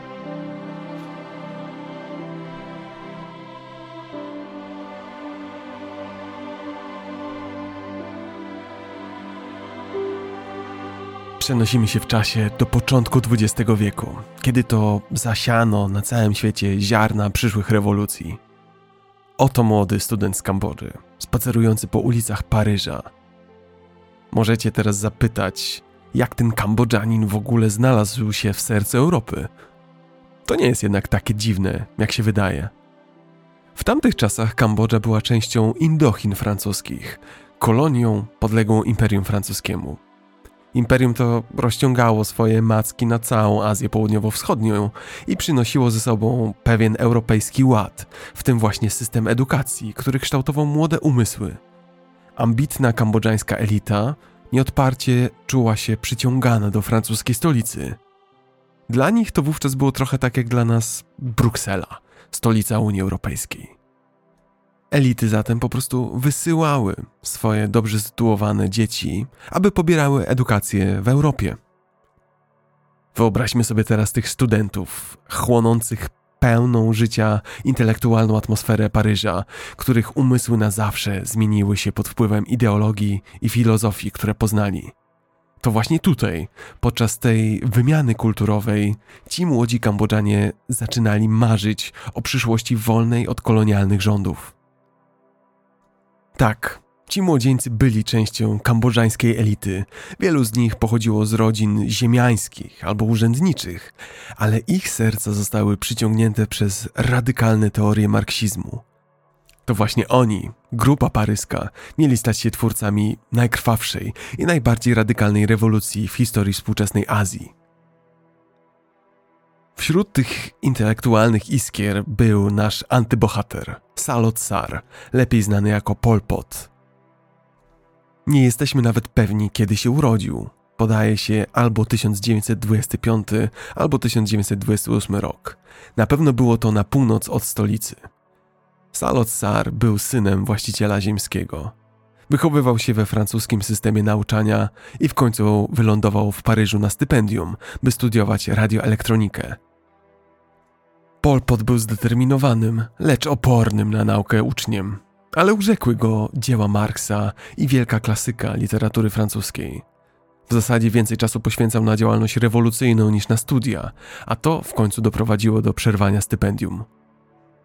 W Paryżu Pol Pot poznał i połączył siły z innymi młodymi kambodżańskimi intelektualistami, takimi jak Ieng Sary, Kiu Sampan, Ho Yon, Son Sen i Hu Nim.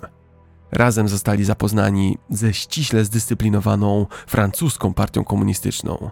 Razem uczestniczyli w festiwalu młodzieży w Berlinie Wschodnim. Te wydarzenia stanowiły punkt zwrotny w ich rozwoju ideologicznym – Doszli wówczas do przekonania, że tylko dobrze zorganizowana partia, że tylko walka zbrojna mogą wspólnie doprowadzić do rewolucji.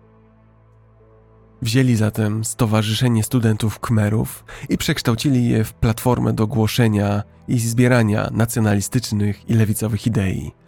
W 1956 roku zaś założyli marksistowski Związek Studentów Khmerów. Nie zapominajmy, że to byli intelektualiści, naukowcy. Prace Hu Yona i Qiu Sampana położyły podwaliny pod fundamentalną politykę demokratycznej Kambuczy pod rządami Czerwonych Khmerów. Hu Yon kładł nacisk na centralną rolę chłopów w rozwoju kraju, a Qiu Sampan przekonywał, że Kambodża musi stać się samowystarczalna i zakończyć z zależnością gospodarczą od innych krajów rozwiniętych.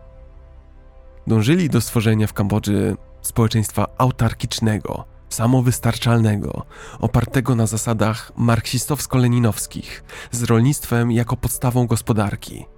Wierzyli oni, że zrywając więzi ze światem zewnętrznym i przyjmując kolektywizm rolniczy, mogą stworzyć utopijne społeczeństwo, wreszcie wolne od wyzysku i nierówności.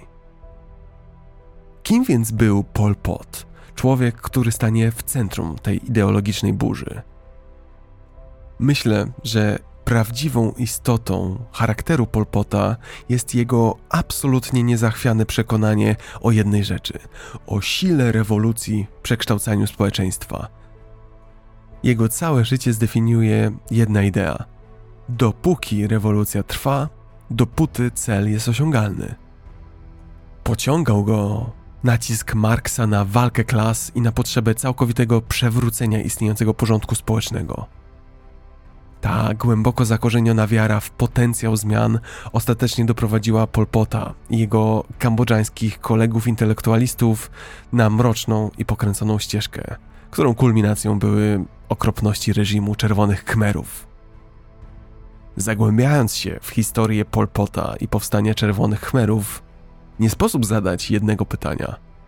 Dlaczego te idee, przecież teoretycznie dobre, nacechowane dobrymi intencjami, a zarazem mające na celu dobro Kambodży, doprowadziły do tak ogromnego ludobójstwa? Wiemy, że rzeczywistość reżimu Czerwonych Khmerów była daleka od tej wyidealizowanej wizji. Zamiast pozytywnego przełomu Długoletnie rządy terroru, które na zawsze odcisnęły piętro na kambodżańskim krajobrazie i na jego mieszkańcach. Jak więc ci dobrze wykształceni rewolucjoniści, którzy niegdyś kąpali się w intelektualnym bogactwie Paryża, weszli na tak brutalną i destrukcyjną ścieżkę? Aby odpowiedzieć na to pytanie, musimy zanurzyć się w umysł człowieka, który stał się centrum tego wszystkiego, w umysł Polpota, Jestem przekonany, że zrozumienie charakteru Polpota jest równoznaczne ze zrozumieniem sił napędowych czerwonych Khmerów. Zanim więc zanurzymy się w dalszą część historii czerwonych Khmerów i Kambodży, zapraszam Was do lepszego poznania antybohatera dzisiejszego odcinka. Przedstawiam Wam Salot Sara, lepiej znanego jako Polpota, a przez niektórych określanego jako Adolfa Hitlera Azji.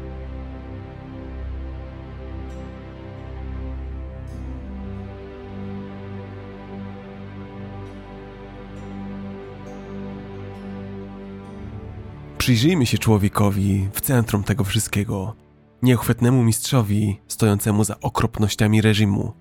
Pol Pot. Rozpoczynamy eksplorację pokręconego umysłu człowieka, który zaaranżował jeden z najbardziej brutalnych i niszczycielskich rozdziałów w historii ludzkości. Przed wami mężczyzna średniej budowy o wzroście około 1,75 m. Jego ciemne, często krótko przycięte włosy i okrągła twarz na pierwszy rzut oka sugerowałyby, że macie przed sobą łagodnego nauczyciela. Ale potem napotykacie jego oczy, a w tych ciemnobrązowych oczach gotowała się burza radykalnych ideologii. Miały w sobie mrożącą krew w żyłach intensywność, którą wielu po latach wspominało. Jego cera, typowa dla Kambodżan, ciepły odcień brązu. Jego ubrania często proste, wręcz surowe, odzwierciedlające ideologię komunistyczną, w którą tak gorąco wierzył. Koszula z guzikami i spodnie to był jego strój na cały dzień. Na głowie czapeczka w stylu Mao Tse-tunga.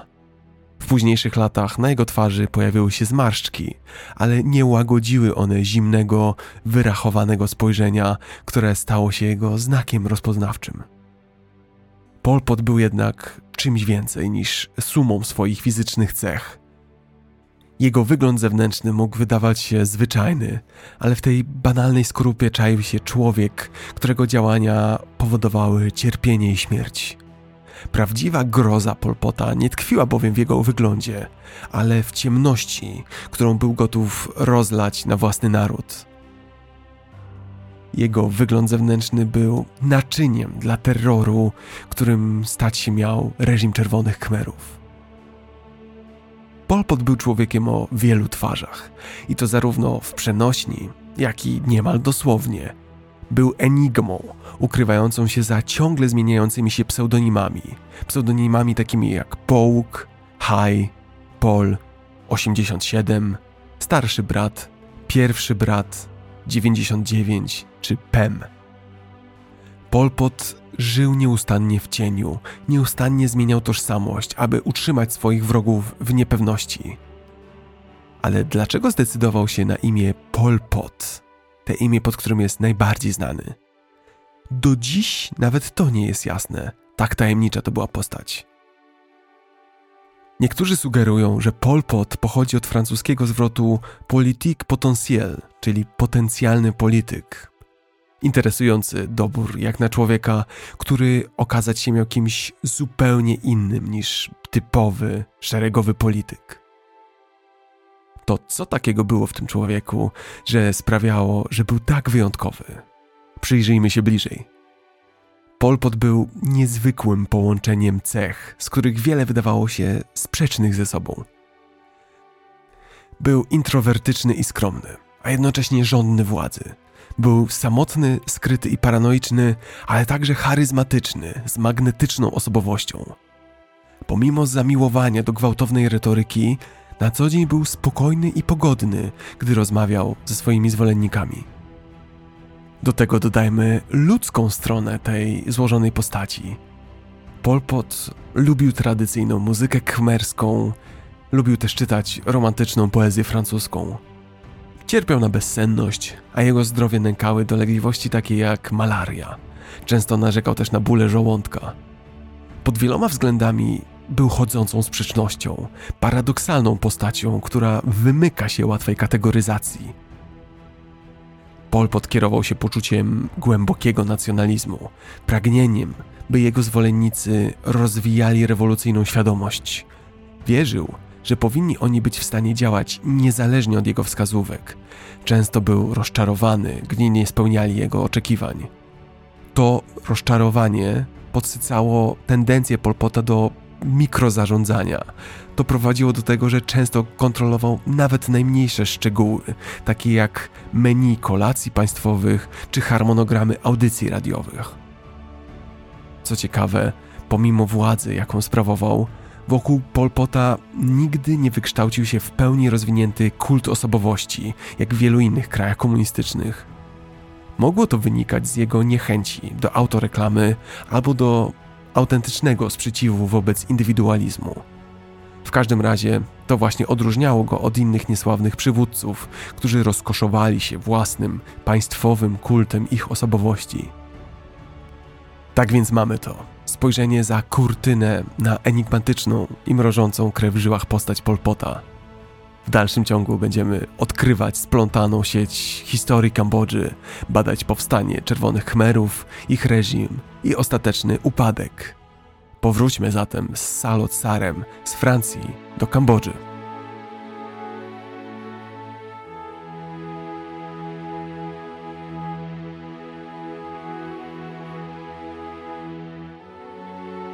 Po powrocie z Francji do Kambodży, na początku Pol Pot był gorliwym, ambitnym uczestnikiem kambodżańskiego ruchu komunistycznego.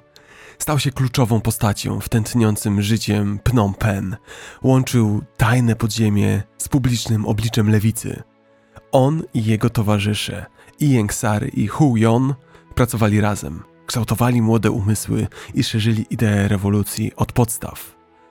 Wkrótce pośród kambodżańskiej lewicy zaczęło się kotłować. W 1960 roku odbył się tajny kongres partii w bardzo nietypowym miejscu, w pustej salce na stacji kolejowej w Phnom Penh. Dyskutowano tam nad przyszłością partii komunistycznej i podjęto decyzję o zmianie nazwy na Partia Robotnicza Kampuczy. To sygnalizować miało ambicję stanięcia ramię w ramię z partią robotniczą Wietnamu.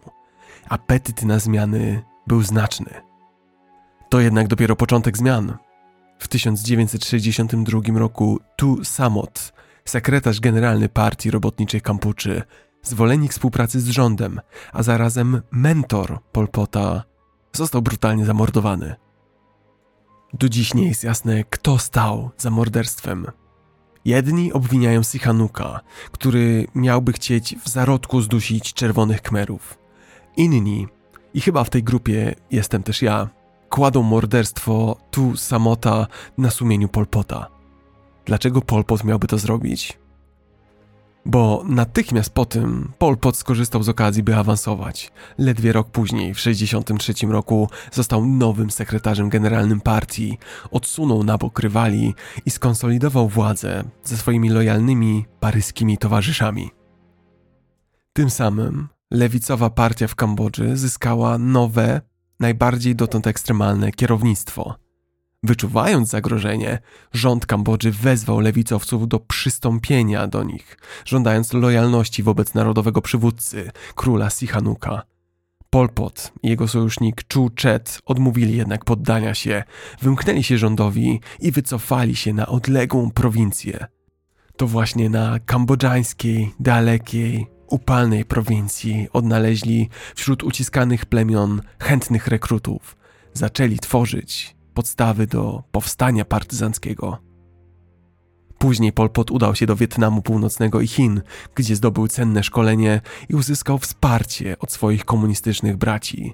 Jednocześnie cały czas ukrywał się przed czujnym okiem Sihanuka. W 1966 roku partia ponownie zmieniła nazwę, tym razem na Komunistyczną Partię Kampuczy. Przyszedł czas, że Komunistyczna Partia Kambodży zaczęła występować przeciwko rządom Sihanuka. Rozpoczęły się rozsiane po całej Kambodży powstania. Powstania, które przy wsparciu Wietnamu Północnego wymykały się spod kontroli rządu. Powoli ale nieubłaganie czerwoni khmerzy rośli w siłę, aż w końcu w 1968 roku rozpoczęli pełnowymiarowy atak na całą Kambodżę. O tym już za chwilę. Pozwólcie mi tylko krótko podsumować, dlaczego czerwoni khmerzy tak bardzo chcieli obalić Sihanuka.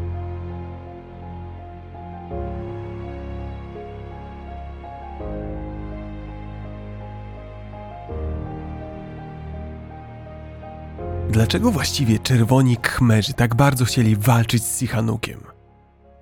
Wyobraźcie sobie, że mamy połowę XX wieku, czas wielkich zawirowań i manewrów geopolitycznych. Trwa zimna wojna, w której Stany Zjednoczone i Związek Radziecki toczą grę w szachy, grę na śmierć i życie. To właśnie na tej glebie zasiano ziarna kambodżańskiej tragedii. Dalsza część naszej historii rozpoczyna się w 1968 roku, kiedy to rewolucyjne siły czerwonych Khmerów wyłaniają się nad piękną i pełną historii ziemią Kambodży. Nakreślmy podstawy tej burzliwej opowieści. Król Norodom Sihanouk, charyzmatyczny, a niekiedy także chwiejny przywódca znalazł się u steru Kambodży właśnie w tych burzliwych czasach. Sihanouk, próbując zachować neutralność Kambodży w czasie zimnowojennej walki o władzę, prowadzi niebezpieczną grę. Balansuje między obiema stronami żelaznej kurtyny. Ale delikatna równowaga nie może trwać wiecznie.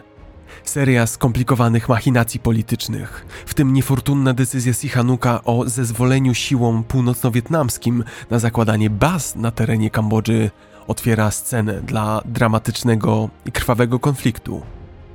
Do akcji wówczas wkraczają czerwoni Kmerzy. Dlaczego zdecydowali się wystąpić przeciwko Sihanukowi? Odpowiedź leży w wirze kambodżańskiej polityki i szybko zmieniających się nurtów stosunków międzynarodowych. Pol Pot i jego towarzysze widzą w Sihanuku przeszkodę dla ich wizji czystego, bezklasowego społeczeństwa, oczyszczonego z wszelkich obcych wpływów. Postrzegają Sihanuka jako marionetkę Stanów Zjednoczonych, pomimo przecież prób zachowania neutralności. Dlatego czerwoni kmerzy, ośmieleni zamieszaniem ogarniającym ich naród, wykorzystują okazję do wzniecenia narodowego powstania, pogrążając Kambodżę w otchłani wojny domowej. W tym 1968 roku, gdy siły czerwonych kmerów rozpoczynają krwawe powstanie, czujemy jak płyty tektoniczne historii zaczynają przesuwać się pod naszymi stopami i zwiastują początek konfliktu, który zniszczy życie milionów ludzi i pozostawi blizny na zbiorowej psychice narodu. W 1970 roku miało bowiem miejsce jedno wydarzenie. Wydarzenie, które stworzyło czerwonym Kmerom możliwość rozlania swojego politycznego zasięgu. Tamto wydarzenie stworzyło scenę, stworzyło przestrzeń na transformację Kambodży. Tym wydarzeniem był zamach stanu w 1970 roku. Burza, która zbierała się nad Kambodżą przez ostatnie 20 lat, właśnie się rozpoczynała.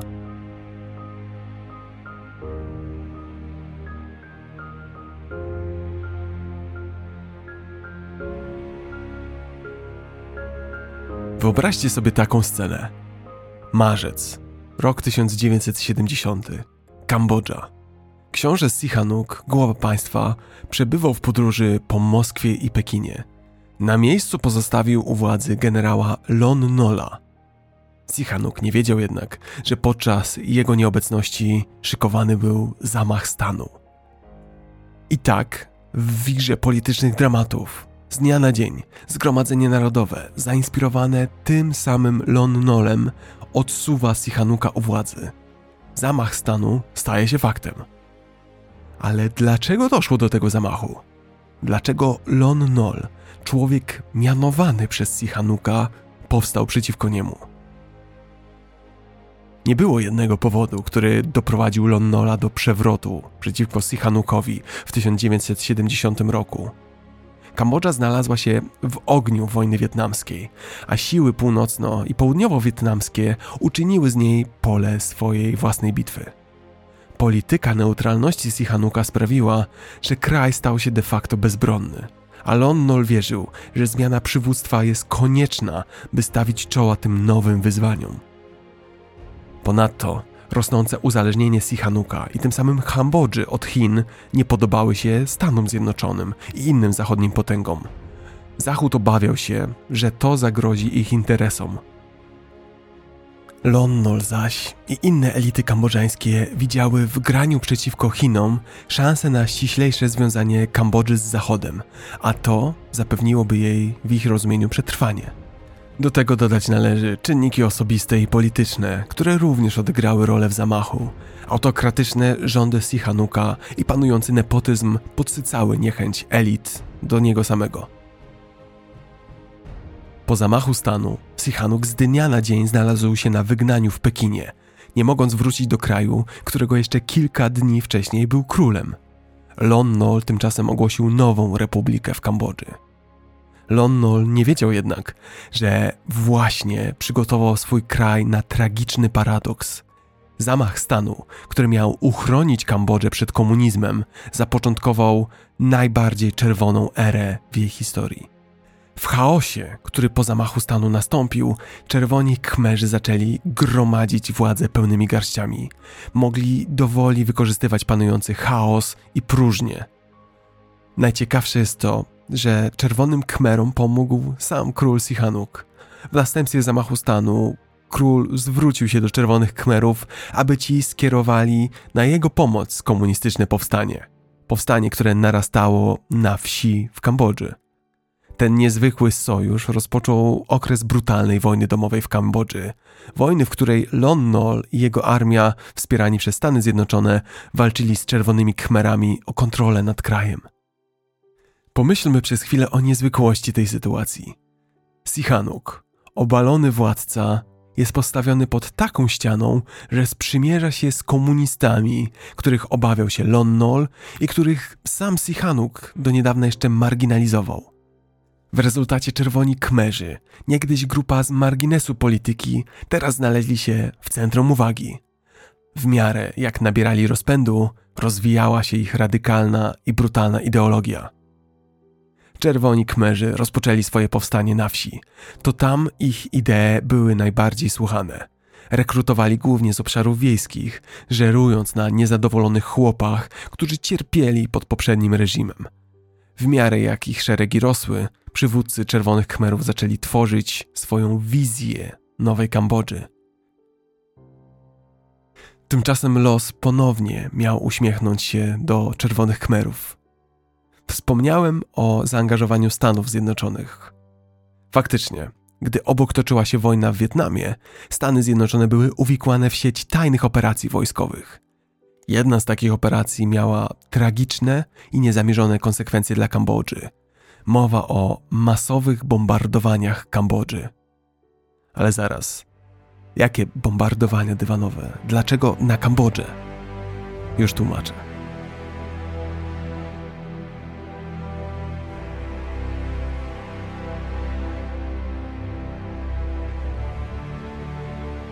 Stany Zjednoczone faktycznie przeprowadziły naloty dywanowe na Kambodżę. Było to między 1969 a 73 i stanowiło część szerszej strategii podczas wojny w Wietnamie. Cele były dwa.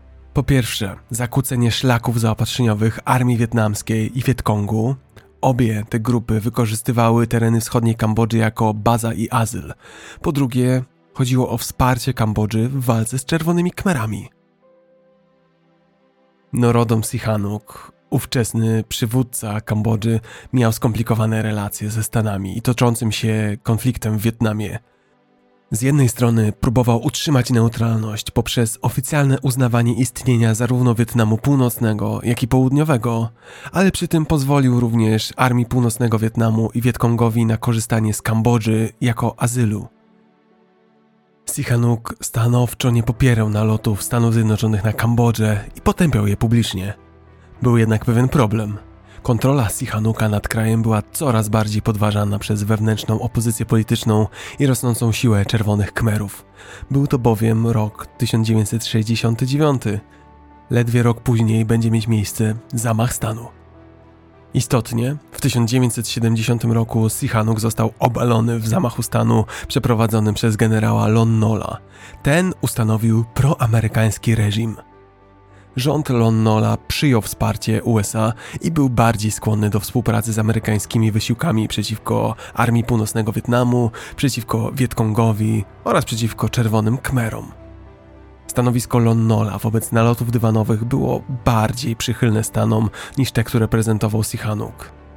Lonnol uważał, że po prostu za dużo dzieje się w Kambodży, aby nie zezwolić na zewnętrzną pomoc, nawet w formie bombardowań. Choć więc intencje były dobre, to naloty te przyczyniły się do radykalizacji ludności Kambodży i do potężnego wzrostu siły Czerwonych Kmerów. W jaki sposób? Otóż między 69 a 73 rokiem Stany Zjednoczone zrzuciły na Kambodżę oszałamiającą ilość 2,7 miliona ton bomb.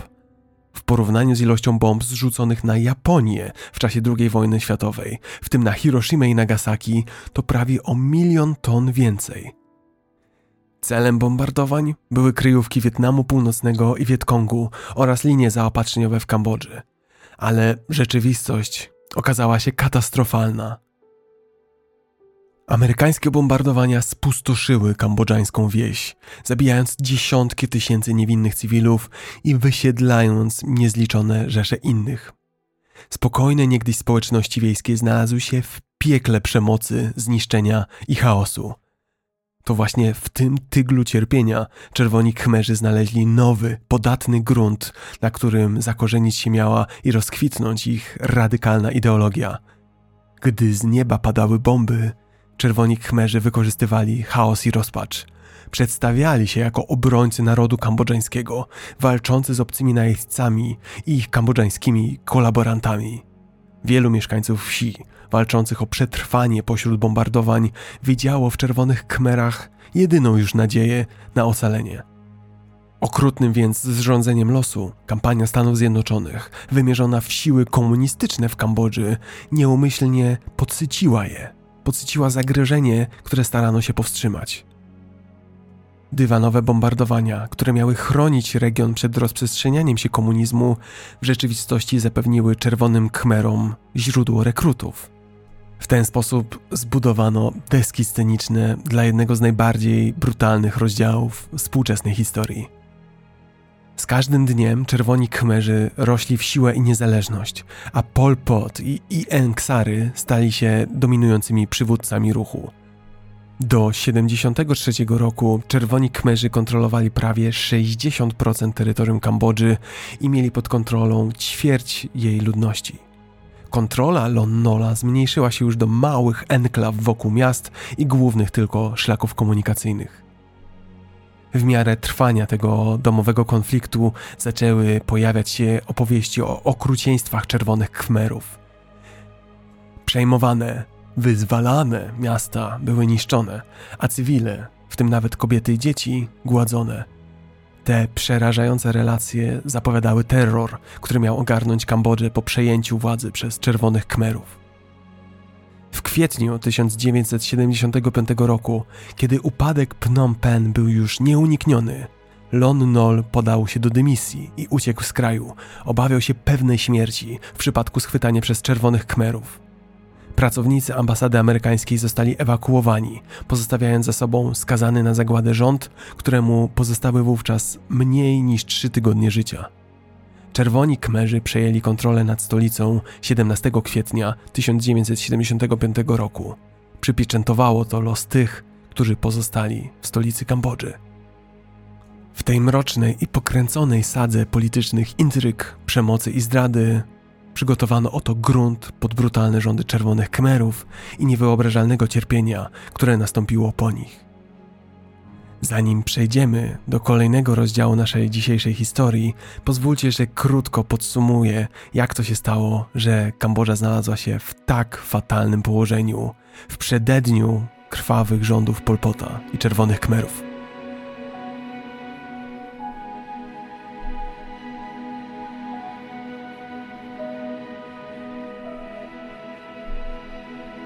Pozwólcie, że zrobię szybkie podsumowanie całej dotychczasowej historii, abyśmy mogli być przygotowani na wydarzenia, które mają nadejść. Kraina przesiągnięta historią. Epicka saga obejmująca całe wieki. Opowieść o imperiach i podbojach, o odporności i walce. To właśnie historia Kambodży, starożytnego królestwa, które przetrwało i rozwijało się przez wieki, aby w XX wieku stanąć w obliczu horroru czerwonych Kmerów. Przypomnijmy sobie Imperium Kmerów, wspaniałą cywilizację, która kwitła między IX a XV wiekiem. Ze swoją stolicą w legendarnym mieście Angkor, Imperium Kmerów było latarnią kultury, latarnią potęgi w Azji Południowo-Wschodniej. To była era wspaniałej świątyni Angkor Wat, świadectwa architektonicznej sprawności i duchowego poświęcenia ludzi, którzy wyryli swój ślad w historii. Ale jak wszystkie wielkie imperia, potężne imperium Khmerów w końcu poddało się wiatrom zmian. W okresie po Angkor nastąpił stały upadek, gdy sąsiednie mocarstwa wkraczały na terytorium Kambodży – Niegdyś dumna cywilizacja stopniowo traciła władzę, a jej wielkość niknęła w annałach historii. W XIX wieku Kambodża została wciągnięta w geopolityczne machinacje europejskiego kolonializmu. Przybyli Francuzi, rzucając swoje imperialne spojrzenie na pogrążone w tarapatach królestwo. W 1863 roku Kambodża stała się francuskim protektoratem, rozpoczynając prawie stuletni okres obcych rządów. Francuzi przynieśli ze sobą inny porządek, ale duch ludu kmerskiego pozostał niezłomny. Duch, który pragnął niepodległości i szansy na odzyskanie swojego przeznaczenia. Wiatr zmian zaczął wiać ponownie w XX wieku, gdy na tron wstąpił młody król o imieniu Norodom Sihanouk. Charyzmatyczny przywódca Sihanouk poprowadził Kambodżę przez burzliwy okres dekolonizacji, ostatecznie zapewniając jej niepodległość od Francji w 1953 roku. Wraz z powstaniem nowego królestwa Kambodży, Sihanouk próbował poruszać się po zdradliwych wodach polityki zimnowojennej, wytyczając ścieżkę neutralności pośród rosnących napięć między wschodem a zachodem. Ale na horyzoncie zbierały się chmury burzowe. W latach 60. i 70. Kambodża znalazła się w krzyżowym ogniu wojny wietnamskiej, a konflikt rozlał się poza granice Wietnamu na Kambodżę. Delikatna równowaga Sihanuka zaczęła się sypać, a w 1970 roku, gdy król przebywał za granicą, generał Lon Nol przejął władzę w wyniku zamachu stanu. Tak rozpoczęła się krótkotrwała Republika Khmerów, prozachodni reżim, który pogrążył kraj w wyniszczającej wojnie domowej. W miarę jak toczyła się wojna domowa, złowrogie widmo czerwonych Khmerów stawało się coraz większe. Pod przywództwem lidera, Pol Pota, ta barbarzyńska komunistyczna rebelia dążyła do przejęcia kontroli nad całą Kambodżą i ukształtowania jej na nowo, zgodnie ze swoją pokręconą wizją. Kraj został spustoszony przez przemoc i przewroty, a scena została przygotowana na najmroczniejszy rozdział w historii Kambodży. Jesteśmy teraz właśnie w tym momencie, w momencie naprawdę dziejowym. Oto czerwoni kmerzy wkraczają do Phnom Penh, do stolicy – za chwilę zaczną wprowadzać w życie swoje plany na całkowitą rewolucję i na zbudowanie od zera nowego społeczeństwa. Zanim jednak przejdziemy do tego, jak wyglądała ta nowa rzeczywistość, podtrzymam Was jeszcze chwilę w niepewności i opowiem, jakie były na tamten dzień, na dzień wkroczenia do Phnom Penh, idee Polpota i Czerwonych Khmerów. Dopiero później wspólnie zderzymy je ze skutkami ich wprowadzania – Dzięki temu razem na własne oczy zobaczymy, jak okropnie rozminąć potrafi się teoria i praktyka, intencje i rzeczywistość.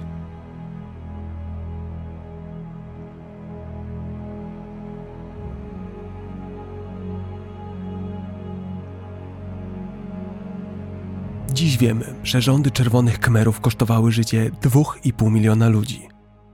Jak to możliwe, że ktoś wprowadza swoje rządy, twierdząc, że robi wszystko, by uczynić życie Kambodży lepszym niż kiedykolwiek wcześniej, i kończy się to hekatombą ćwierci ludności kraju?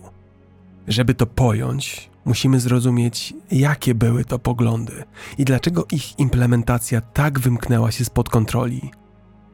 Istotnie, celem czerwonych kmerów nie było zabijanie dla samego zabijania – Tutaj chodziło o stworzenie nowego społeczeństwa, a zatem jakie idee stały za czerwonymi khmerami w 1975 roku, gdy obejmowali pełnię władzy nad Kambodżą. Mam pewien pomysł, jak to obrazowo wytłumaczyć. Wyobraźcie sobie, że Kambodża, ta nowa Kambodża, to wrzący kocioł, w którym składniki bulgoczą, tworząc złowrogą miksturę przemocy i zniszczenia.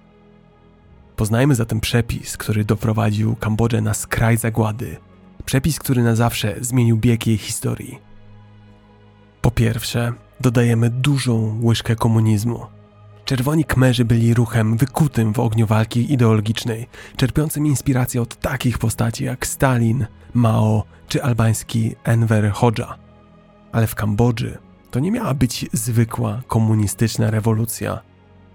Jej przywódcy przekręcali i zniekształcali zasady marksizmu, leninizmu, aby dopasować je do własnych ekstremistycznych planów, tworząc toksyczną mieszankę wojny klasowej i ksenofobicznego nacjonalizmu. Dążyli do stworzenia najczystszego państwa marksistowsko-leninowskiego, ale odeszli od jego zasad tak daleko, że niektórzy nazywali rezultat antymarksistowską rewolucją chłopską. Następnie do naszego kotła dosypujemy hojną porcję kmerskiego nacjonalizmu. Czerwoni Kmerzy mieli obsesję na punkcie idei czystej, jednorodnej rasowo Kambodży, takiej, która przypominałaby czasy świetności starożytnego imperium Angkor. Ta fiksacja na punkcie rasy doprowadziła do hurtowych prześladowań niekmerów, w tym Chińczyków, Wietnamczyków i mniejszości czamskiej, w wyniku czego powstał reżim, który nie ustępował pod tym względem nazistom. Napływ wietnamskich bojowników z wojny wietnamsko-amerykańskiej tylko podsycił antywietnamskie nastroje, tworząc toksyczną atmosferę ksenofobii i nienawiści. Teraz dodajemy szczyptę autarki. Czerwoni Kmerzy wierzyli w ustanowienie całkowicie samowystarczalnego społeczeństwa, takiego, które opierałoby się na owocach kolektywizmu rolniczego, aby napędzać swoją nową, szybką industrializację. Realizując tę wizję autarki, reżim rozpoczął wielki skok naprzód. Katastrofalny plan, który zmusił miliony miejskich mieszkańców Kambodży do pracy na wsi w charakterze niewolników w kolektywnych gospodarstwach rolnych. Ta polityka przymusowego przesiedlania ludzi w połączeniu z obsesją reżimu na punkcie chłopów wiejskich jako trzonu rewolucji doprowadziła do niewyobrażalnego cierpienia i niezliczonej liczby śmierci. Nie zapomnijmy teraz doprawić naszej receptury odrobiną tłamszenia i podporządkowywania państwu religii. Choć czerwoni kmerzy twierdzili, że tworzą państwo ateistyczne, to relacje między reżimem a religią były o wiele bardziej złożone. Buddyzm był zarówno prześladowany, jak i cynicznie wykorzystywany. Mnisi byli zmuszani do pracy w obozach, a buddyjskie koncepcje były przekręcane, aby służyć celom reżimu. Mnisi, którzy kiedyś byli szanowani, poddani zostali brutalnej pracy i reedukacji. Islam nie miał się lepiej, ponieważ przywódcy islamscy zostali straceni, a mniejszość czamska brutalnie stłumiona. Chrześcijaństwo również było celem, a jego wyznawców oskarżano o związki z amerykańską CIA. Na koniec do naszego wywaru dodajemy czubatą łyżkę paranoi. Czerwoni kmerzy widzieli wrogów wszędzie – od byłego rządu Kambodży poprzez obce mocarstwa, aż po intelektualistów. Rozpoczęli zatem kampanię masowych mordów, aby oczyścić kraj z tych rzekomych zagrożeń, zabijając każdego, kto na przykład mówił wieloma językami, czy wykazywał jakiekolwiek oznaki intelektualizmu. Te próby oczyszczenia społeczeństwa kambodżańskiego wzdłuż linii rasowych, społecznych czy politycznych zaowocowały szeroko zakrojonymi czystkami, których celem było poprzednie kierownictwo wojskowe i polityczne, ale także liderzy biznesu, dziennikarze, studenci, lekarze i prawnicy. Wyjątkowa natura tego masowego mordu mordu, w którym sprawcy i ofiary w większości należeli do tej samej grupy etnicznej, doprowadziła do powstania unikalnego dla Kambodży terminu naukowego. Znalazłem go w kilku angielskich źródłach. Brzmi on autogenocide. Tłumaczyć go należy jako samoludobójstwo. Myślę, że to dobrze opisuje charakter tego, co działo się w Kambodży. Naszą piekielną miksturę teraz mieszamy i gotujemy do wrzenia. Zapraszam Was, abyśmy jej skosztowali.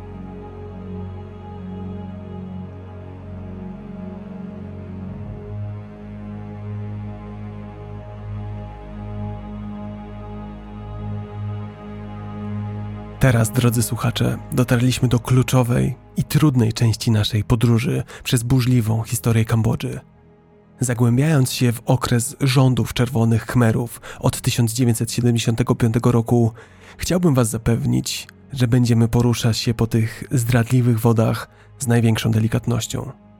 Choć wydarzenia, o których za chwilę opowiem, są wstrząsające, to nie chodzi mi tutaj o szokowanie dla samego szokowania, a raczej o naświetlenie tego mrocznego rozdziału w historii ludzkości.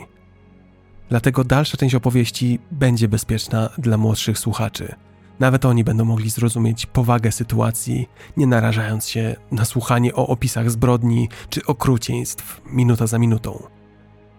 A zatem zbierzmy się i wyruszmy wspólnie w porywającą i ponurą opowieść o tragedii i przetrwaniu, o odporności i niezłomności ludzkiego ducha. Przygotujcie się na wejście do świata, w którym moralność jest wystawiona na próbę, a głębia ludzkiego okrucieństwa jest obnażona. Przed wami Kambodża pod rządami czerwonych kmerów.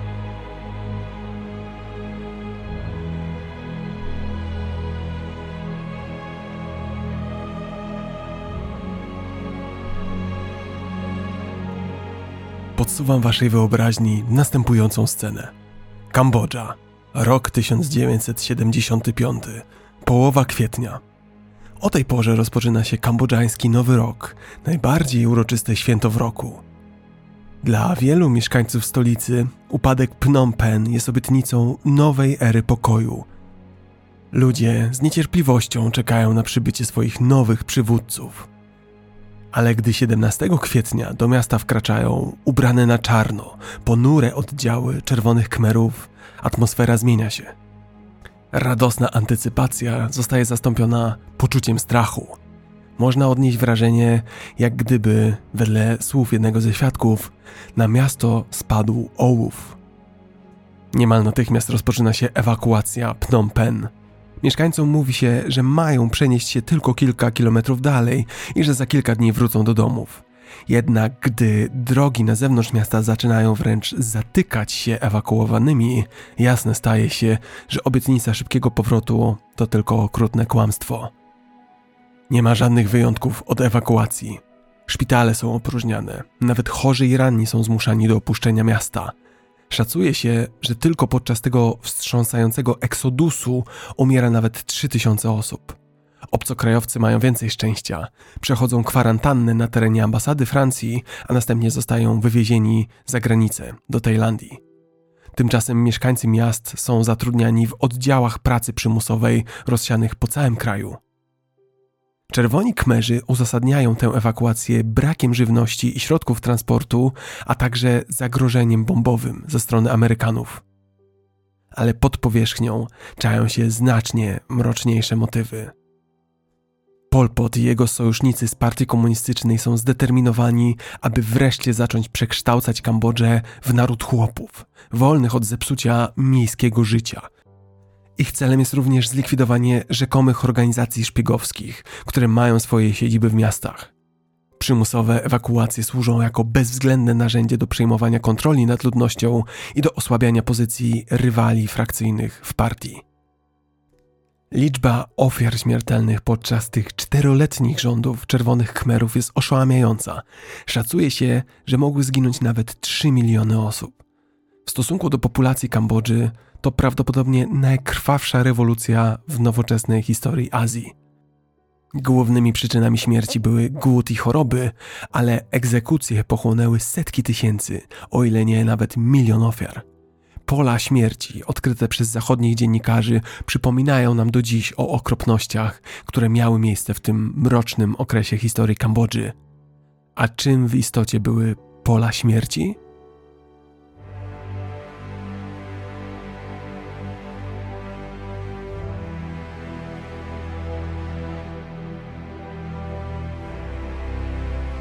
Pola śmierci w Kambodży. Już same te słowa wywołują uczucie grozy. Są synonimem niewyobrażalnych okrucieństw popełnianych przez reżim Czerwonych Khmerów Polpota w latach 1975-79. Ale czym właściwie były owe pola śmierci? Jak doszło do tego, że stały się one uosobieniem ludzkiego okrucieństwa i cierpienia? Aby zrozumieć pola śmierci, musimy najpierw zrozumieć samą skalę ludobójstwa dokonanego przez czerwonych Khmerów. Szacuje się, że pod rządami Polpota między 1,7 a 3 miliony ludzi, prawie 1 czwarta ówczesnej populacji Kambodży, straciły życie w wyniku egzekucji, głodu, chorób i przepracowania. Fanatyczne dążenie reżimu do stworzenia agrarnej utopii doprowadziło do przymusowego przesiedlania milionów ludzi z miasta na wieś, gdzie w brutalnych warunkach zmuszano ich do pracy w kolektywnych gospodarstwach rolnych i w obozach pracy. Pola śmierci były ostatnim przystankiem życia dla ofiar dążenia czerwonych kmerów do ideologicznej czystości. Osoby uznawane za wrogów państwa, albo po prostu te, które nie spełniały oczekiwań reżimu, były aresztowane i przewożone do tych odległych miejsc, gdzie czekał je ostateczny los. Ofiarami reżimu byli nie tylko polityczni dysydenci czy zagraniczni infiltranci, ale także intelektualiści, przywódcy religijni, a nawet zwykli ludzie, którzy mówili w obcym języku lub mieli po prostu jakiekolwiek powiązania z poprzednim rządem. W oczach Pol Pota i jego fanatycznych zwolenników oni wszyscy byli wrogami rewolucji, wrogami, których należało się pozbyć, aby zbudować utopijne społeczeństwo od zera. Pola śmierci były rozsiane po całej Kambodży, a jednym z najbardziej niesławnych było Choyung Ek, położone tuż obok stolicy, obok Phnom Penh. Więźniowie trafiali tu z osławionego Tuol Sleng, czyli więzienia S-21, gdzie byli przesłuchiwani, torturowani i zmuszani do przyznawania się do sfabrykowanych zbrodni przeciwko państwu. Po przybyciu do Choyung Ek prowadzono ich na skraj masowych grobów, gdzie dokonywano egzekucji, często przy użyciu kilofów, motyk albo innych prymitywnych narzędzi, aby zaoszczędzić na nabojach. Była to okrutna i przewrotna forma redukcji kosztów. Chciałbym Was właśnie zabrać na krótką wizytę na najsłynniejsze pole śmierci Choyung Ek. Byliśmy tam już na początku dzisiejszego odcinka, na samym wstępie.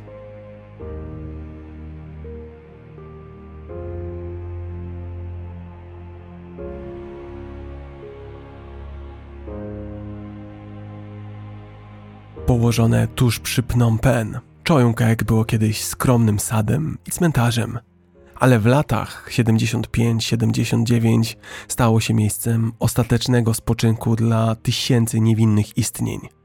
Zagłębiając się w ten koszmarny krajobraz, pamiętajmy, że za każdą statystyką, którą wymienię, a będzie ich bardzo dużo, kryje się ludzka historia, przepełniona cierpieniem, bólem i ostatecznym przerwaniem cennego życia. Spacerując dziś po Choyung Ek, zauważycie, że jest tam niesamowicie cicho, prawie tak jakby ziemia wstrzymała oddech. Ale wśród tej ciszy znajdziecie również przerażające przypomnienia o popełnionych tu zbrodniach. Najbardziej przejmującym z nich jest niesławne, stojące samotnie w sadzie drzewo zagłady. Drzewo tak głęboko związane z kampanią terroru czerwonych kmerów, że stało się symbolem nieludzkości reżimu. Drzewa, takie jak to, były wykorzystywane jako oprawa dla niewyobrażalnego zła. Czerwoni kmerzy w pokrętnej próbie zachowania, oszczędzania amunicji kładli kres życia niemowląt opnietych drzew. Te akty przemocy odbywały się na oczach matek, które często były następne, a ich ciała wrzucano do masowych grobów razem z pomordowanymi dziećmi.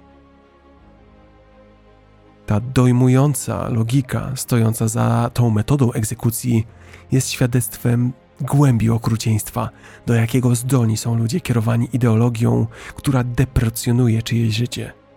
Czerwoni kmerzy wierzyli, że aby stworzyć nowe, bezklasowe społeczeństwo, muszą wyeliminować wszelkie postrzegane zagrożenia dla ich nowej wizji.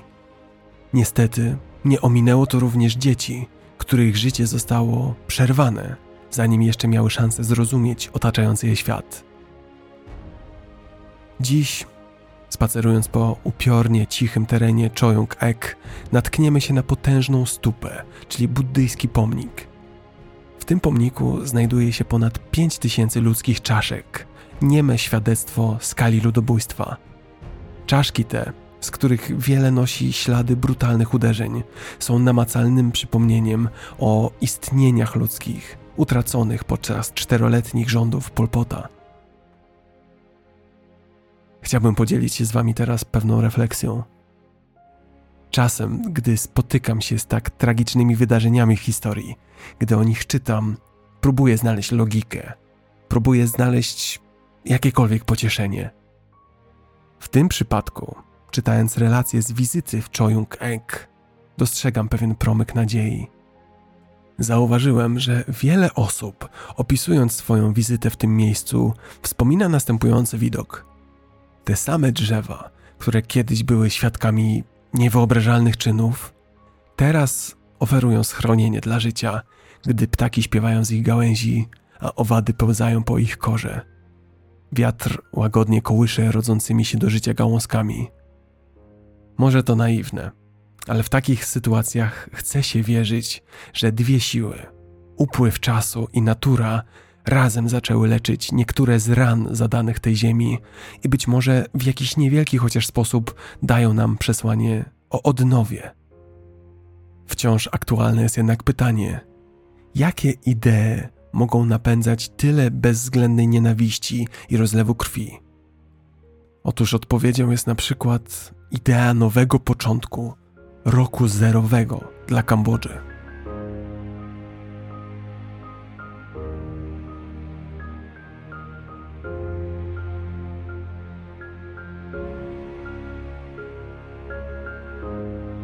Czerwoni Kmerzy i Pol Pot byli piekielnie zdeterminowani, aby stworzyć komunistyczną utopię, wymazać społeczeństwo, jakie znamy i zacząć od zera. Dosłownie, od roku zerowego. Rok zerowy należy rozumieć dosłownie. To była koncepcja całkowitego zerwania z przeszłością i zbudowania nowego społeczeństwa od podstaw. Realizacji swojego radykalnego programu, który miał na celu stworzyć agrarną, komunistyczną utopię. W praktyce zaś oznaczał przeniesienie ludności z miast na wieś, niszczenie wszelkich oznak kultury i edukacji, a także prześladowania i masowe mordy. Widzicie, musicie zrozumieć, że czerwoni kmerzy nie chcieli po prostu eksperymentować z komunizmem, próbować go wprowadzić. Oni chcieli rzucić się na głęboką wodę w najbardziej ekstremalnej wersji komunizmu, przekroczyć wszelkie dotychczasowe próby rosyjskiej, chińskiej czy wietnamskiej rewolucji. Pol Pot wyobrażał sobie porewolucyjną Kambodżę jako pozbawioną podziałów klasowych, z robotnikami, chłopami i wszystkimi innymi pracującymi ludźmi z Kampuczy, którzy stapiają się w jedno. Nie było tu miejsca dla właścicieli ziemskich czy elementów burżuazyjnych. To była bezwzględna transformacja na zasadzie wszystko albo nic.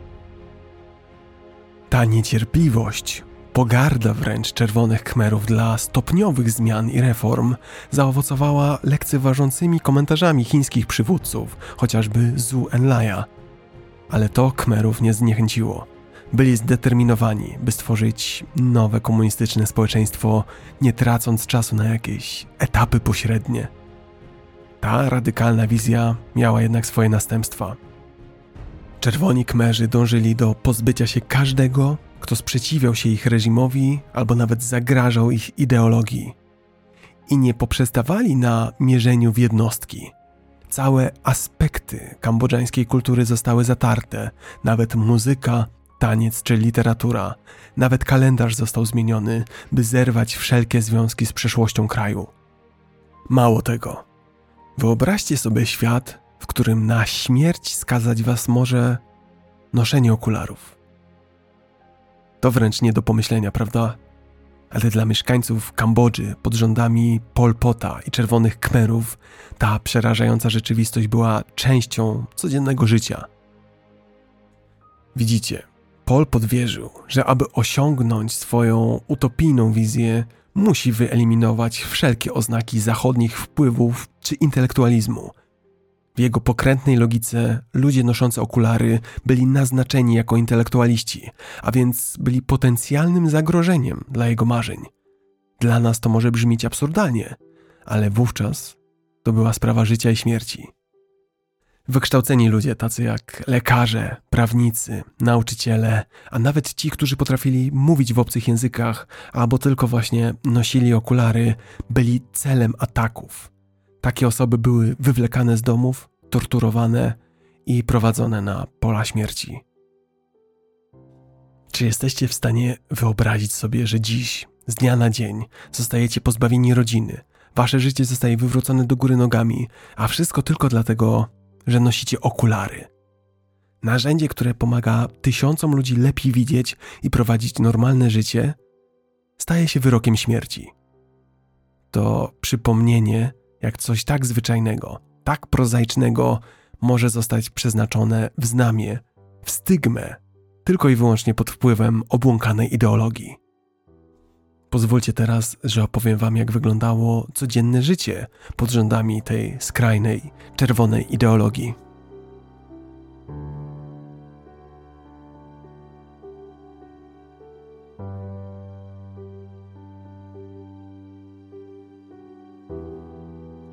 Pomyślmy o życiu w społeczeństwie pod czujnym okiem Ankaru, tajemniczej, wszechogarniającej organizacji Czerwonych Kmerów. Wierzcie mi, dalekie ono było od raju dla robotników. Jako zwykły obywatel zostalibyście podzieleni na dwie kategorie: nowych ludzi, którzy byli politycznie podejrzani i traktowani jako niewolnicza siła robocza, oraz starych ludzi, którzy byli uważani za bardziej wiarygodnych i lojalnych. A pomimo tego, że czerwoni kmerzy twierdzili, że są zwolennikami równości, ich członkowie i siły zbrojne w Kambodży cieszyły się wyższym standardem życia niż wszyscy inni. Jak na ruch, który miał na celu zniesienie elit, czerwoni kmerzy mieli prawdziwy talent do kolesiostwa. Najwyżsi przywódcy obsadzali stanowiska władzy członkami swoich rodzin. Żona i szwagierka Polpota pełniły wpływowe funkcje, podczas gdy inni krewni cieszyli się wygodnymi posadami w różnych ministerstwach. W demokratycznej Kampuczy niektórzy towarzysze byli równiejsi od innych. Wolność religijna? Tak głosiła Konstytucja Demokratycznej Kampuczy z 1976 roku, ale rzeczywistość, rzeczywistość była zupełnie inna. Czerwoni Kmerzy początkowo tolerowali mnichów buddyjskich, aby zdobyć poparcie społeczne, ale po przejęciu władzy ujawnili swoje prawdziwe oblicze. Tętniąca życiem społeczność religijna Kambodży została zmiażdżona. Prawie 60 tysięcy mnichów buddyjskich zostało odsuniętych od wykonywania zawodu, zmuszonych do pracy albo straconych. Świątynie i pagody zamieniły się w magazyny lub więzienia, a święte obrazy trafiły na bagna. Chrześcijanie i muzułmanie nie mieli lepiej. Wielu z nich zostało zabitych za odmowę porzucenia wiary. Mniejszości etniczne również cierpiały. Wietnamczycy doświadczali straszliwych masakr, a muzułmańska społeczność Czamów spotkała się z przymusową asymilacją i masowymi mordami. Mniejszości tajskie były podobnie prześladowane, choć społeczność chińska zdawała się unikać najgorszego gniewu reżimu, prawdopodobnie ze względu na bliskie związki Kambodży z Chinami. Idźmy dalej. Jakby z powieści George'a Orwella, czerwoni kmerzy postrzegali edukację jako niebezpieczeństwo. Nauczyciele byli zabijani, a ci nieliczni, którzy przeżyli, zatajali swoją tożsamość, aby tylko uniknąć najgorszego losu. Nowy system edukacji miał na celu indoktrynację młodych ludzi, rozbudzenie w nich rewolucyjnego zapału i stworzenie przepaści pomiędzy nimi a poprzednią nierewolucyjną starszyzną. Dzieci były werbowane do szpiegowania dorosłych, a młodzież na co dzień obcowała ze wszechogarniającym okrucieństwem.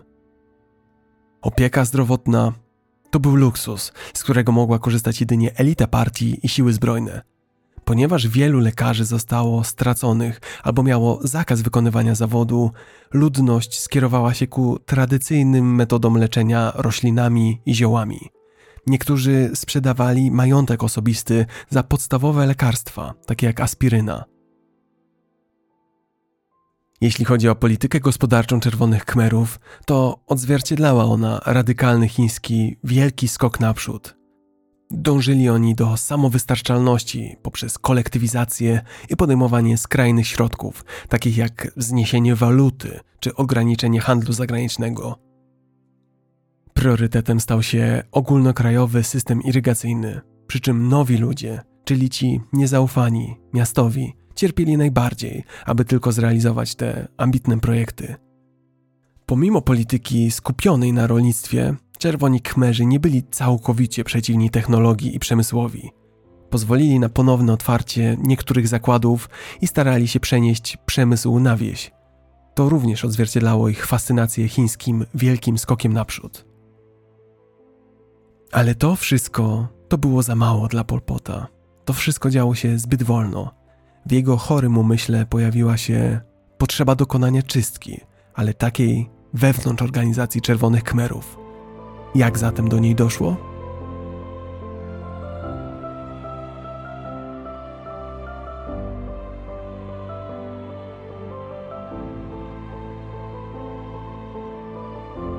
Jest kwiecień 1975 roku, a Pol Pot i jego wewnętrzny krąg lojalnych zwolenników przejęli władzę w Kambodży i zapewnili sobie kluczowe pozycje w hierarchii Czerwonych Khmerów i w państwie.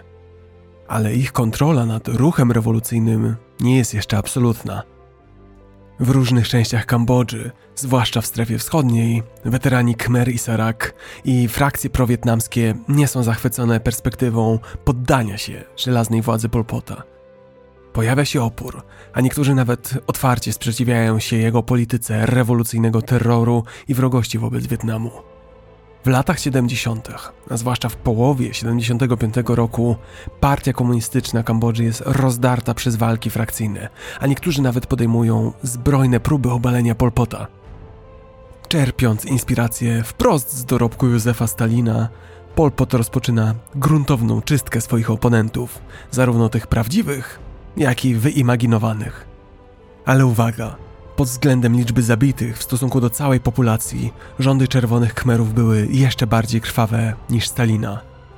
Czystki osiągają apogeum w 77 i 78 roku, kiedy to setki tysięcy osób, w tym czołowi przywódcy czerwonych Khmerów, zostają straceni. Pol Pot i jego towarzysze nie ufają nikomu spoza ich zgranej grupy, grupy, której początki sięgają Paryża w latach 50. Dlaczego to takie interesujące? Bo w podejściu Czerwonych Khmerów, w podejściu Pol Pota z biegiem lat zaszła zasadnicza zmiana. Zradykalizował się jeszcze bardziej. Jeszcze przed zwycięstwem w 1975 roku Czerwoni Khmerzy byli mieszaniną frakcji o różnych ideologiach i pomysłach. Po opanowaniu Kambodży i przejęciu władzy pojawiły się jednak tarcia – Największym ośrodkiem regionalnego oporu wobec stylu rządów Polpota była strefa wschodnia, strefa kierowana przez prowietnamskiego internacjonalistę So Fima. Różnice między rewolucjonistami ze strefy wschodniej a resztą czerwonych Khmerów były jasne jak słońce do 75 roku. Wojska strefy wschodniej podjęły nawet kilka prób zamachu przeciwko frakcji Polpota – i choć lojaliści Polpota mieli pełnię władzy w nowym rządzie, którą uzyskali po wyborach w 1976 roku, to wciąż napotykali na sprzeciw wielu komunistów. Sprzeciw, który był powodowany autorytarnym zachowaniem Polpota. Polpot tymczasem, cóż, Polpot postanowił rozprawić się z całą surowością z jakąkolwiek wewnętrzną opozycją.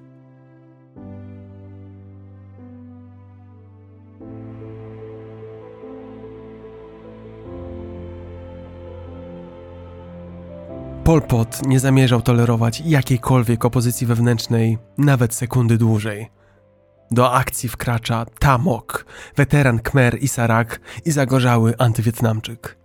W 1975 roku Pol Pot zawiera sojusz z Tamokiem, który zostaje szefem partii w strefie południowo-zachodniej. Po upadku Phnom Penh towarzysz Duch, czyli prawa ręka Tamoka, przejmuje kontrolę nad tajną policją i zakłada niesławne Centrum Przesłuchań i więzienie Tuol Sleng. Miejsce, w którym pod rządami Polpota zginą niezliczone rzesze ludzi. Tuol Sleng. Szkoła średnia przekształcona w przyprawiające dreszcze bezwzględne więzienie znane jako Zgórze Trujących Drzew. Ten koszmarny obiekt zwany również więzieniem bezpieczeństwa numer 21, stanowił najsłynniejsze z przeszło 189 centrów przesłuchań, centrów rozrzuconych po całej Kambodży podczas brutalnego reżimu Czerwonych Khmerów. Wyobraźcie sobie tę byłą szkołę, w której sale lekcyjne zostały przerobione na maleńkie cele więzienne i komory tortur, a wszystko to ogrodzone drutem kolczastym pod napięciem – Szacuje się, że w latach 76-79 więziono tu 20 tysięcy osób. Prawdziwa ich liczba przepadła jednak w mrokach historii.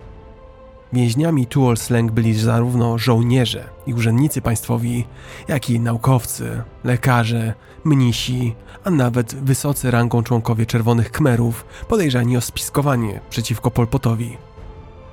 Ten ośrodek terroru działał z chłodną precyzją. Po przybyciu na miejsce więźniowie byli fotografowani, rozbierani do bielizny i zmuszani do przedstawienia swoich szczegółowych autobiografii. przywiązani kajdanami do ścian i podłóg, spali na zimnym betonie, nie mogąc ze sobą rozmawiać. Każdy dzień zaczynał się o 4.30 rano od rewizji osobistej. Więźniowie otrzymywali skomperację w postaci klejku ryżowego i wodnistej zupy, a ci, którzy ośmielili się pić wodę bez pozwolenia, byli bici. W ramach higieny osobistej co cztery dni więźniów polewano wodą. Ścisłe zasady regulowały każdy aspekt ich bytowania, od jedzenia i picia po przemieszczanie się z miejsca na miejsce. W tym wszystkim chodziło jednak nie o zabicie więźniów, a o wymuszenie zeznań. Robiono to torturami. Bicie, duszenie, rażenie prądem to te najlżejsze z metod tortur.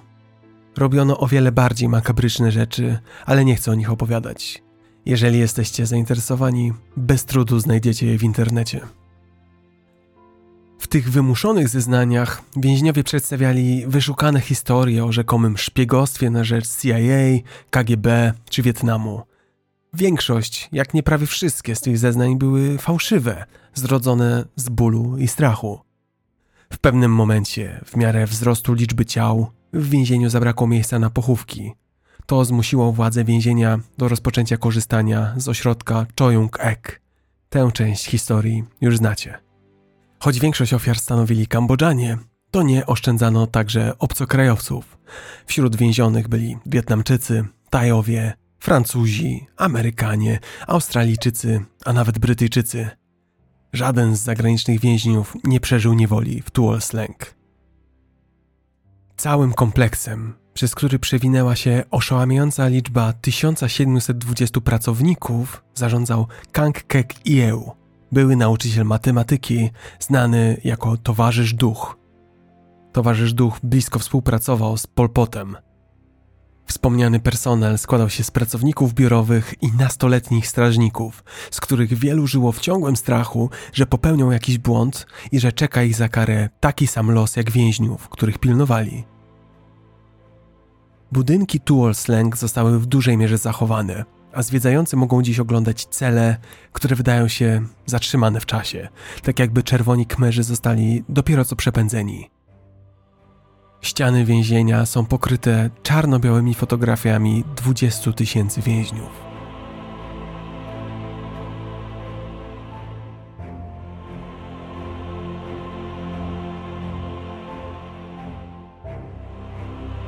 I tak przez cztery straszne lata naród Kambodży był pionkiem w pokrętnej grze Polpota. Grze, w której brat zdradza brata, a przyjaciel zwraca się przeciwko przyjacielowi. Niegdyś kwitnące miasta, teraz niczym wydmuszki stały puste, podczas gdy ludność harowała na wsi, targana widmem śmierci, trzymając się życia z kruchą, rozpaczliwą nadzieją. Ale tak jak świt przebija się przez najciemniejszą noc, Taki nowy rozdział tej tragicznej historii miał się wkrótce rozwinąć. Zbliżała się potęga ze wschodu, która do tej pory czekała na swój czas i obserwowała tę straszliwą mękę z zagranicy. Wietnam, naród, któremu nie obce są okropności wojny, wkrótce miał wykonać ruch, który miał dać początek końca dla Polpota i jego czerwonych kmerów. Gdy domek z kart czerwonych kmerów drży pod ciężarem własnych okrucieństw, pojawia się widmo międzynarodowej interwencji. Świat patrzy z zapartym tchem, jak stawka rośnie coraz wyżej, a gra geopolityczna rozgrywa się na przesiąkniętej krwią ziemi Kambodży. Jak przechyli się szala? Co będzie kulą, która rozbije kontrolę czerwonych kmerów nad tą zniszczoną ziemią? I co stanie się ze zwykłymi Kambodżanami uwikłanymi w ten wir horroru? A więc zagłębmy się w kolejny rozdział tej wstrząsającej powieści, gdzie wątki historii splatają się, podczas gdy czerwoni khmerzy zostaną, miejmy nadzieję, rozliczeni. Przed nami bowiem ostatnie dni i upadek Polpota i czerwonych khmerów. Ktoś mógłby słusznie zapytać, jak to się stało, że przy tak rozwiniętej i drobiazgowej machinie zła cokolwiek mogło doprowadzić do upadku czerwonych kmerów? Odpowiedź jest ironiczna. Ten reżim był tak destrukcyjny, tak skupiony na terrorze, że sam zaprojektował swój upadek. Czerwoni Khmerzy, po tym jak doszli do władzy w Kambodży w 1975 roku, szybko skierowali się z wrogością również w stronę swoich historycznych wrogów Tajlandii i Wietnamu. Brutalne starcie graniczne z Wietnamem przerodziły się w otwartą, niewypowiedzianą wojnę. Khmerom nie szło jednak zbyt dobrze. Można by pomyśleć więc, że po przegrywaniu kolejnych i kolejnych starć Pol Pot dostał nauczkę. Ale nie. To był człowiek, dla którego rzeczywistość była co najwyżej drugorzędnym aspektem. Liczyła się idea, tym razem idea walki z odwiecznym wrogiem. W grudniu 78 roku napięcie między Kambodżą a Wietnamem osiągnęło punkt wrzenia. Lata konfliktu granicznego i eksodus uchodźców z Kambodży nadwyrężyły wzajemne stosunki do granic możliwości. Pol Pot, wyczuwając nieuchronne zagrożenie wietnamską inwazją, podjął brzemienną w skutkach decyzję o przeprowadzeniu uderzenia wyprzedzającego. Jego siły przekroczyły granice i napadły na pobliskie wietnamskie wioski. Ale mimo pomocy, którą miała Kambodża ze strony Chin, siły kambodżańskie zostały odparte. I wówczas, wówczas nastąpił zwrot akcji. Wietnam powiedział wreszcie dość. Wietnamskie siły szturmem natarły na Kambodżę i zrobiły to tak skutecznie, że zdobyły stolicę Phnom Penh 7 stycznia 1979 roku. Pośród absolutnego chaosu część ze zbiegłych działaczy Czerwonych Khmerów dołączyła do Wietnamczyków i z ich błogosławieństwem stała się rdzeniem nowego, marionetkowego rządu. To, co z tego wynikło, to skomplikowana sieć sojuszy, zdrad i geopolitycznych manewrów, które ukształtowały losy tego regionu na kolejne dekady. Czerwoni Kmerzy zaś, choć odsunięci od władzy, dalecy byli od pokonania. Wycofali się na zachód, trzymając się obszaru w pobliżu granicy z Tajlandią. Przez następne 10 lat utrzymywali kontrolę nad tym regionem, nieoficjalnie chronieni przez tajską armię i finansowani przez przemytników diamentów i drewna. Niestety świat daleki był od jednomyślności, jak rozliczyć czerwonych Khmerów. Zwycięstwo Wietnamu Północnego w wojnie wietnamskiej, czyli Wietnamu wspieranego przez Związek Radziecki, wywołało wstrząs w całym regionie. Chiny, rozgniewane wpływami Związku Radzieckiego, rozpoczęły inwazję na północny Wietnam, podczas gdy Stany Zjednoczone udzieliły wsparcia wojskowego i humanitarnego kambodżańskim grupom powstańczym. W ten sposób rozpoczął się długotrwały i krwawy konflikt, który pochłonął Kambodżę na ponad dekadę. Kolejna stracona dekada dla tego pięknego, małego kraju. W latach 80. wschodnia i środkowa Kambodża znalazły się pod kontrolą Wietnamu i jego kambodżańskich sojuszników, podczas gdy zachodnie regiony pozostały zniszczonym polem bitwy, usianym milionami min lądowych. W 1981 roku Czerwoni Kmerzy oficjalnie odżegnali się od komunizmu, przenosząc swój punkt ciężkości na nacjonalizm i antywietnamską retorykę. Pol Pot, choć nie był już twarzą Czerwonych Kmerów, nadal był siłą napędową rebeliantów. Lata 90. przyniosły promyk nadziei, gdyż w 91 roku podpisano traktat, który wzywał do przeprowadzenia wyborów i rozbrojenia. Czerwoni Khmerzy jednak nie chcieli odejść z pokoju, wznawiając walki w 92 roku i odrzucając wyniki wyborów w roku następnym. Do końca dekady pozostali przywódcy Czerwonych Khmerów poddali się albo zostali schwytani, a organizacja Czerwonych Khmerów przestała istnieć. Od 1990 roku Kambodża powoli zaczyna leczyć się z głębokich ran zadanych jej przez Czerwonych Khmerów. Gospodarka i demografia kraju odbudowują się, choć psychiczne blizny wciąż pozostają w pamięci niezliczonych rodzin. Trzy czwarte ludności Kambodży jest dziś zbyt młoda, by pamiętać czasy czerwonych Khmerów. Dlatego pamięć o tych okrucieństwach jest narażona na zniknięcie. Dlatego też jest ona obecnie ze szczegółami nauczana w szkołach w całej Kambodży. Ale chwila. Czy nie zapomnieliśmy o kimś? Przedstawiam Wam ostatnie dni Pol Pota.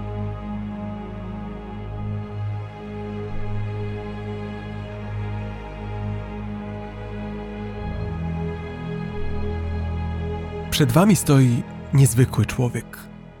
Ten człowiek jest winny śmierci ponad dwóch milionów ludzi, a jego reżim rzucił cały naród na kolana.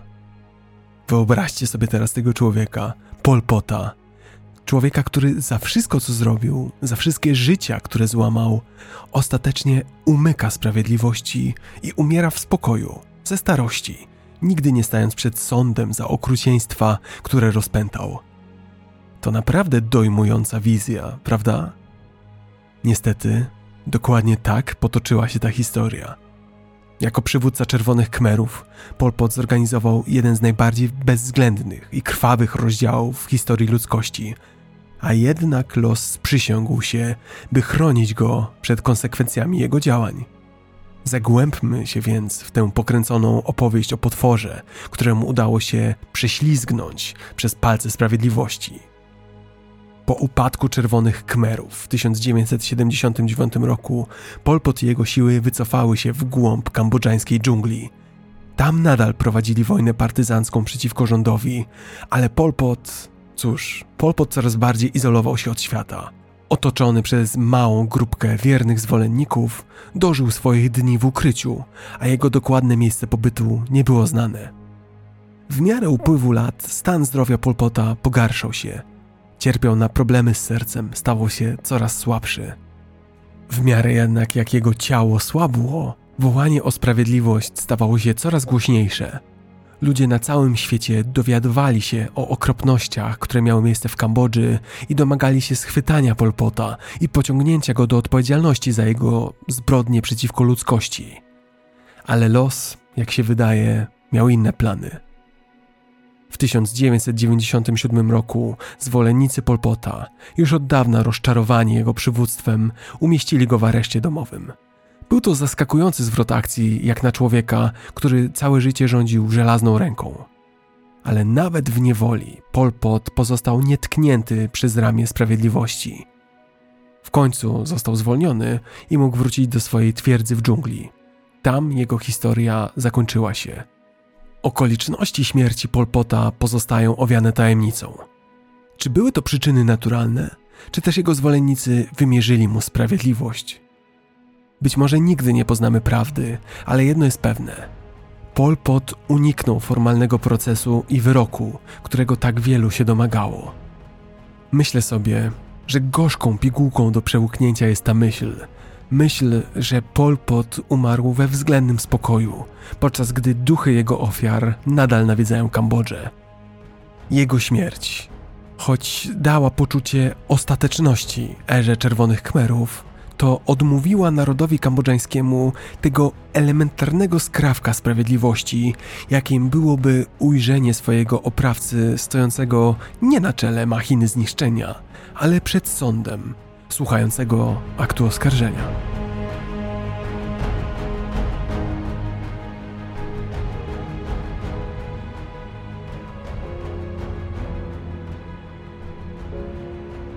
Moi drodzy, zbliżamy się do końca naszej podróży przez jeden z najmroczniejszych rozdziałów w historii ludzkości. Muszę Wam przyznać, ja, pomimo że przechodzę przez te zdarzenia któryś już raz, to ponownie zostaję z mnóstwem emocji, myśli i pytań.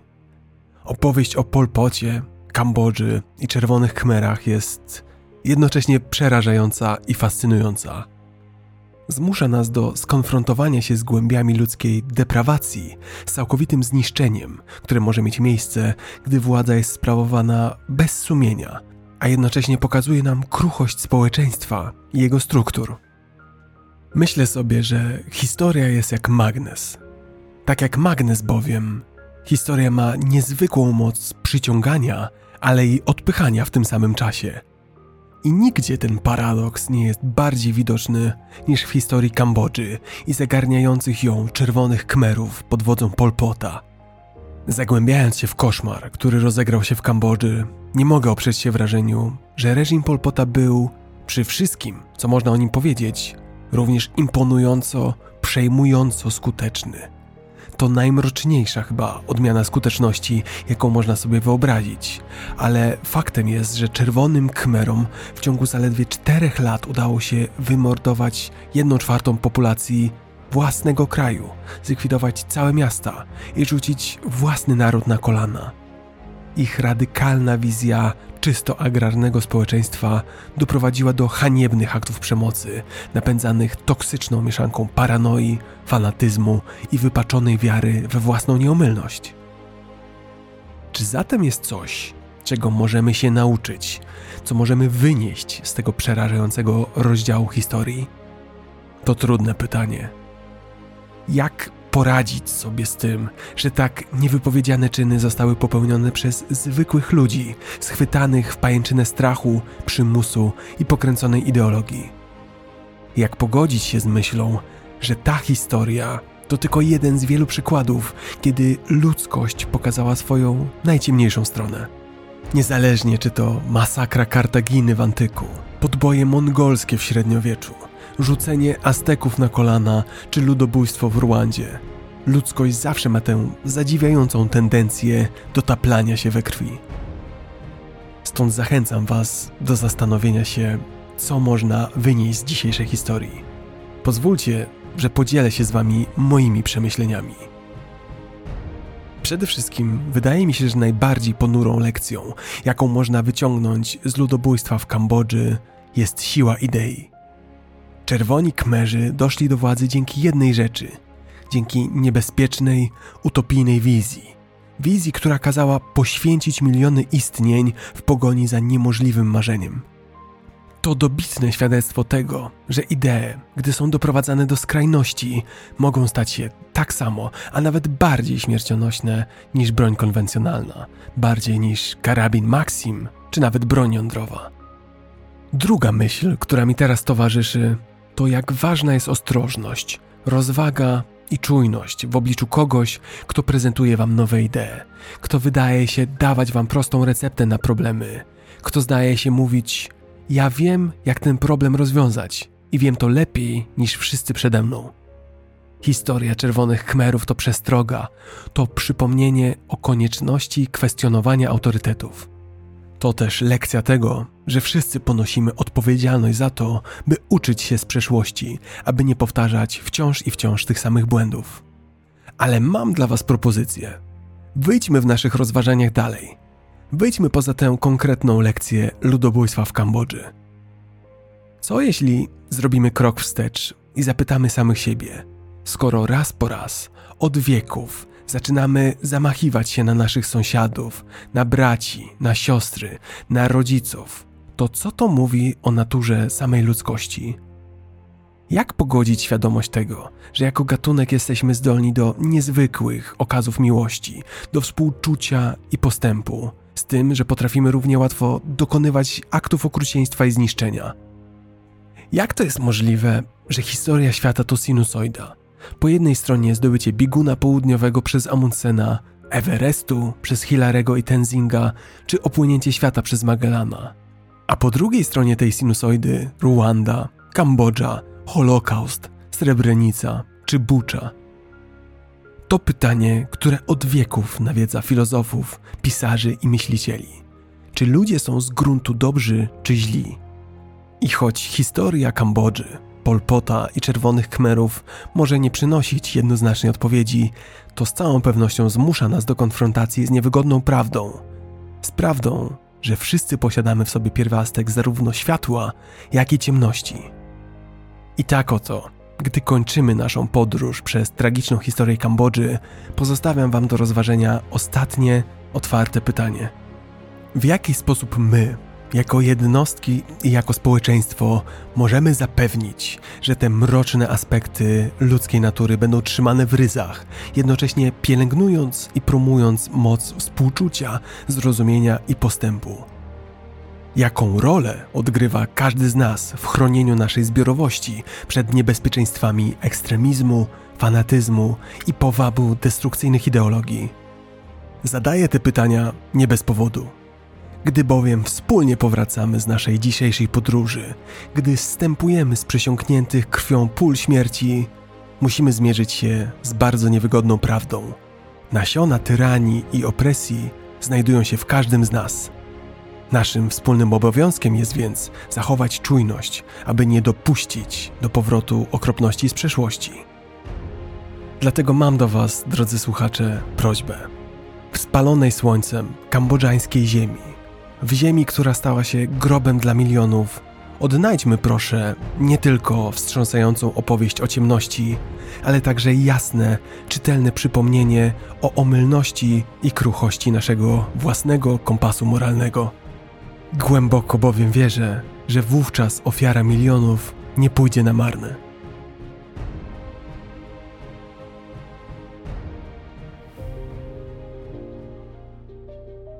Moi drodzy, zamykając ten rozdział historii, chciałbym poświęcić chwilę, aby wyrazić moją najgłębszą wdzięczność każdemu z Was za to, że towarzyszyliście mi w naszej dzisiejszej podróży w czasie. To dzięki Waszej pasji i ciekawości niesamowitych historii ten podcast jest możliwy, a bycie Waszym przewodnikiem to dla mnie zaszczyt. Jeśli chcielibyście przyczynić się do dalszego zgłębiania najbardziej fascynujących momentów i postaci w historii, to zapraszam serdecznie do zostania patronem na stronie patronite.pl łamane na podcast historyczny. Link również znajdziecie w opisie odcinka.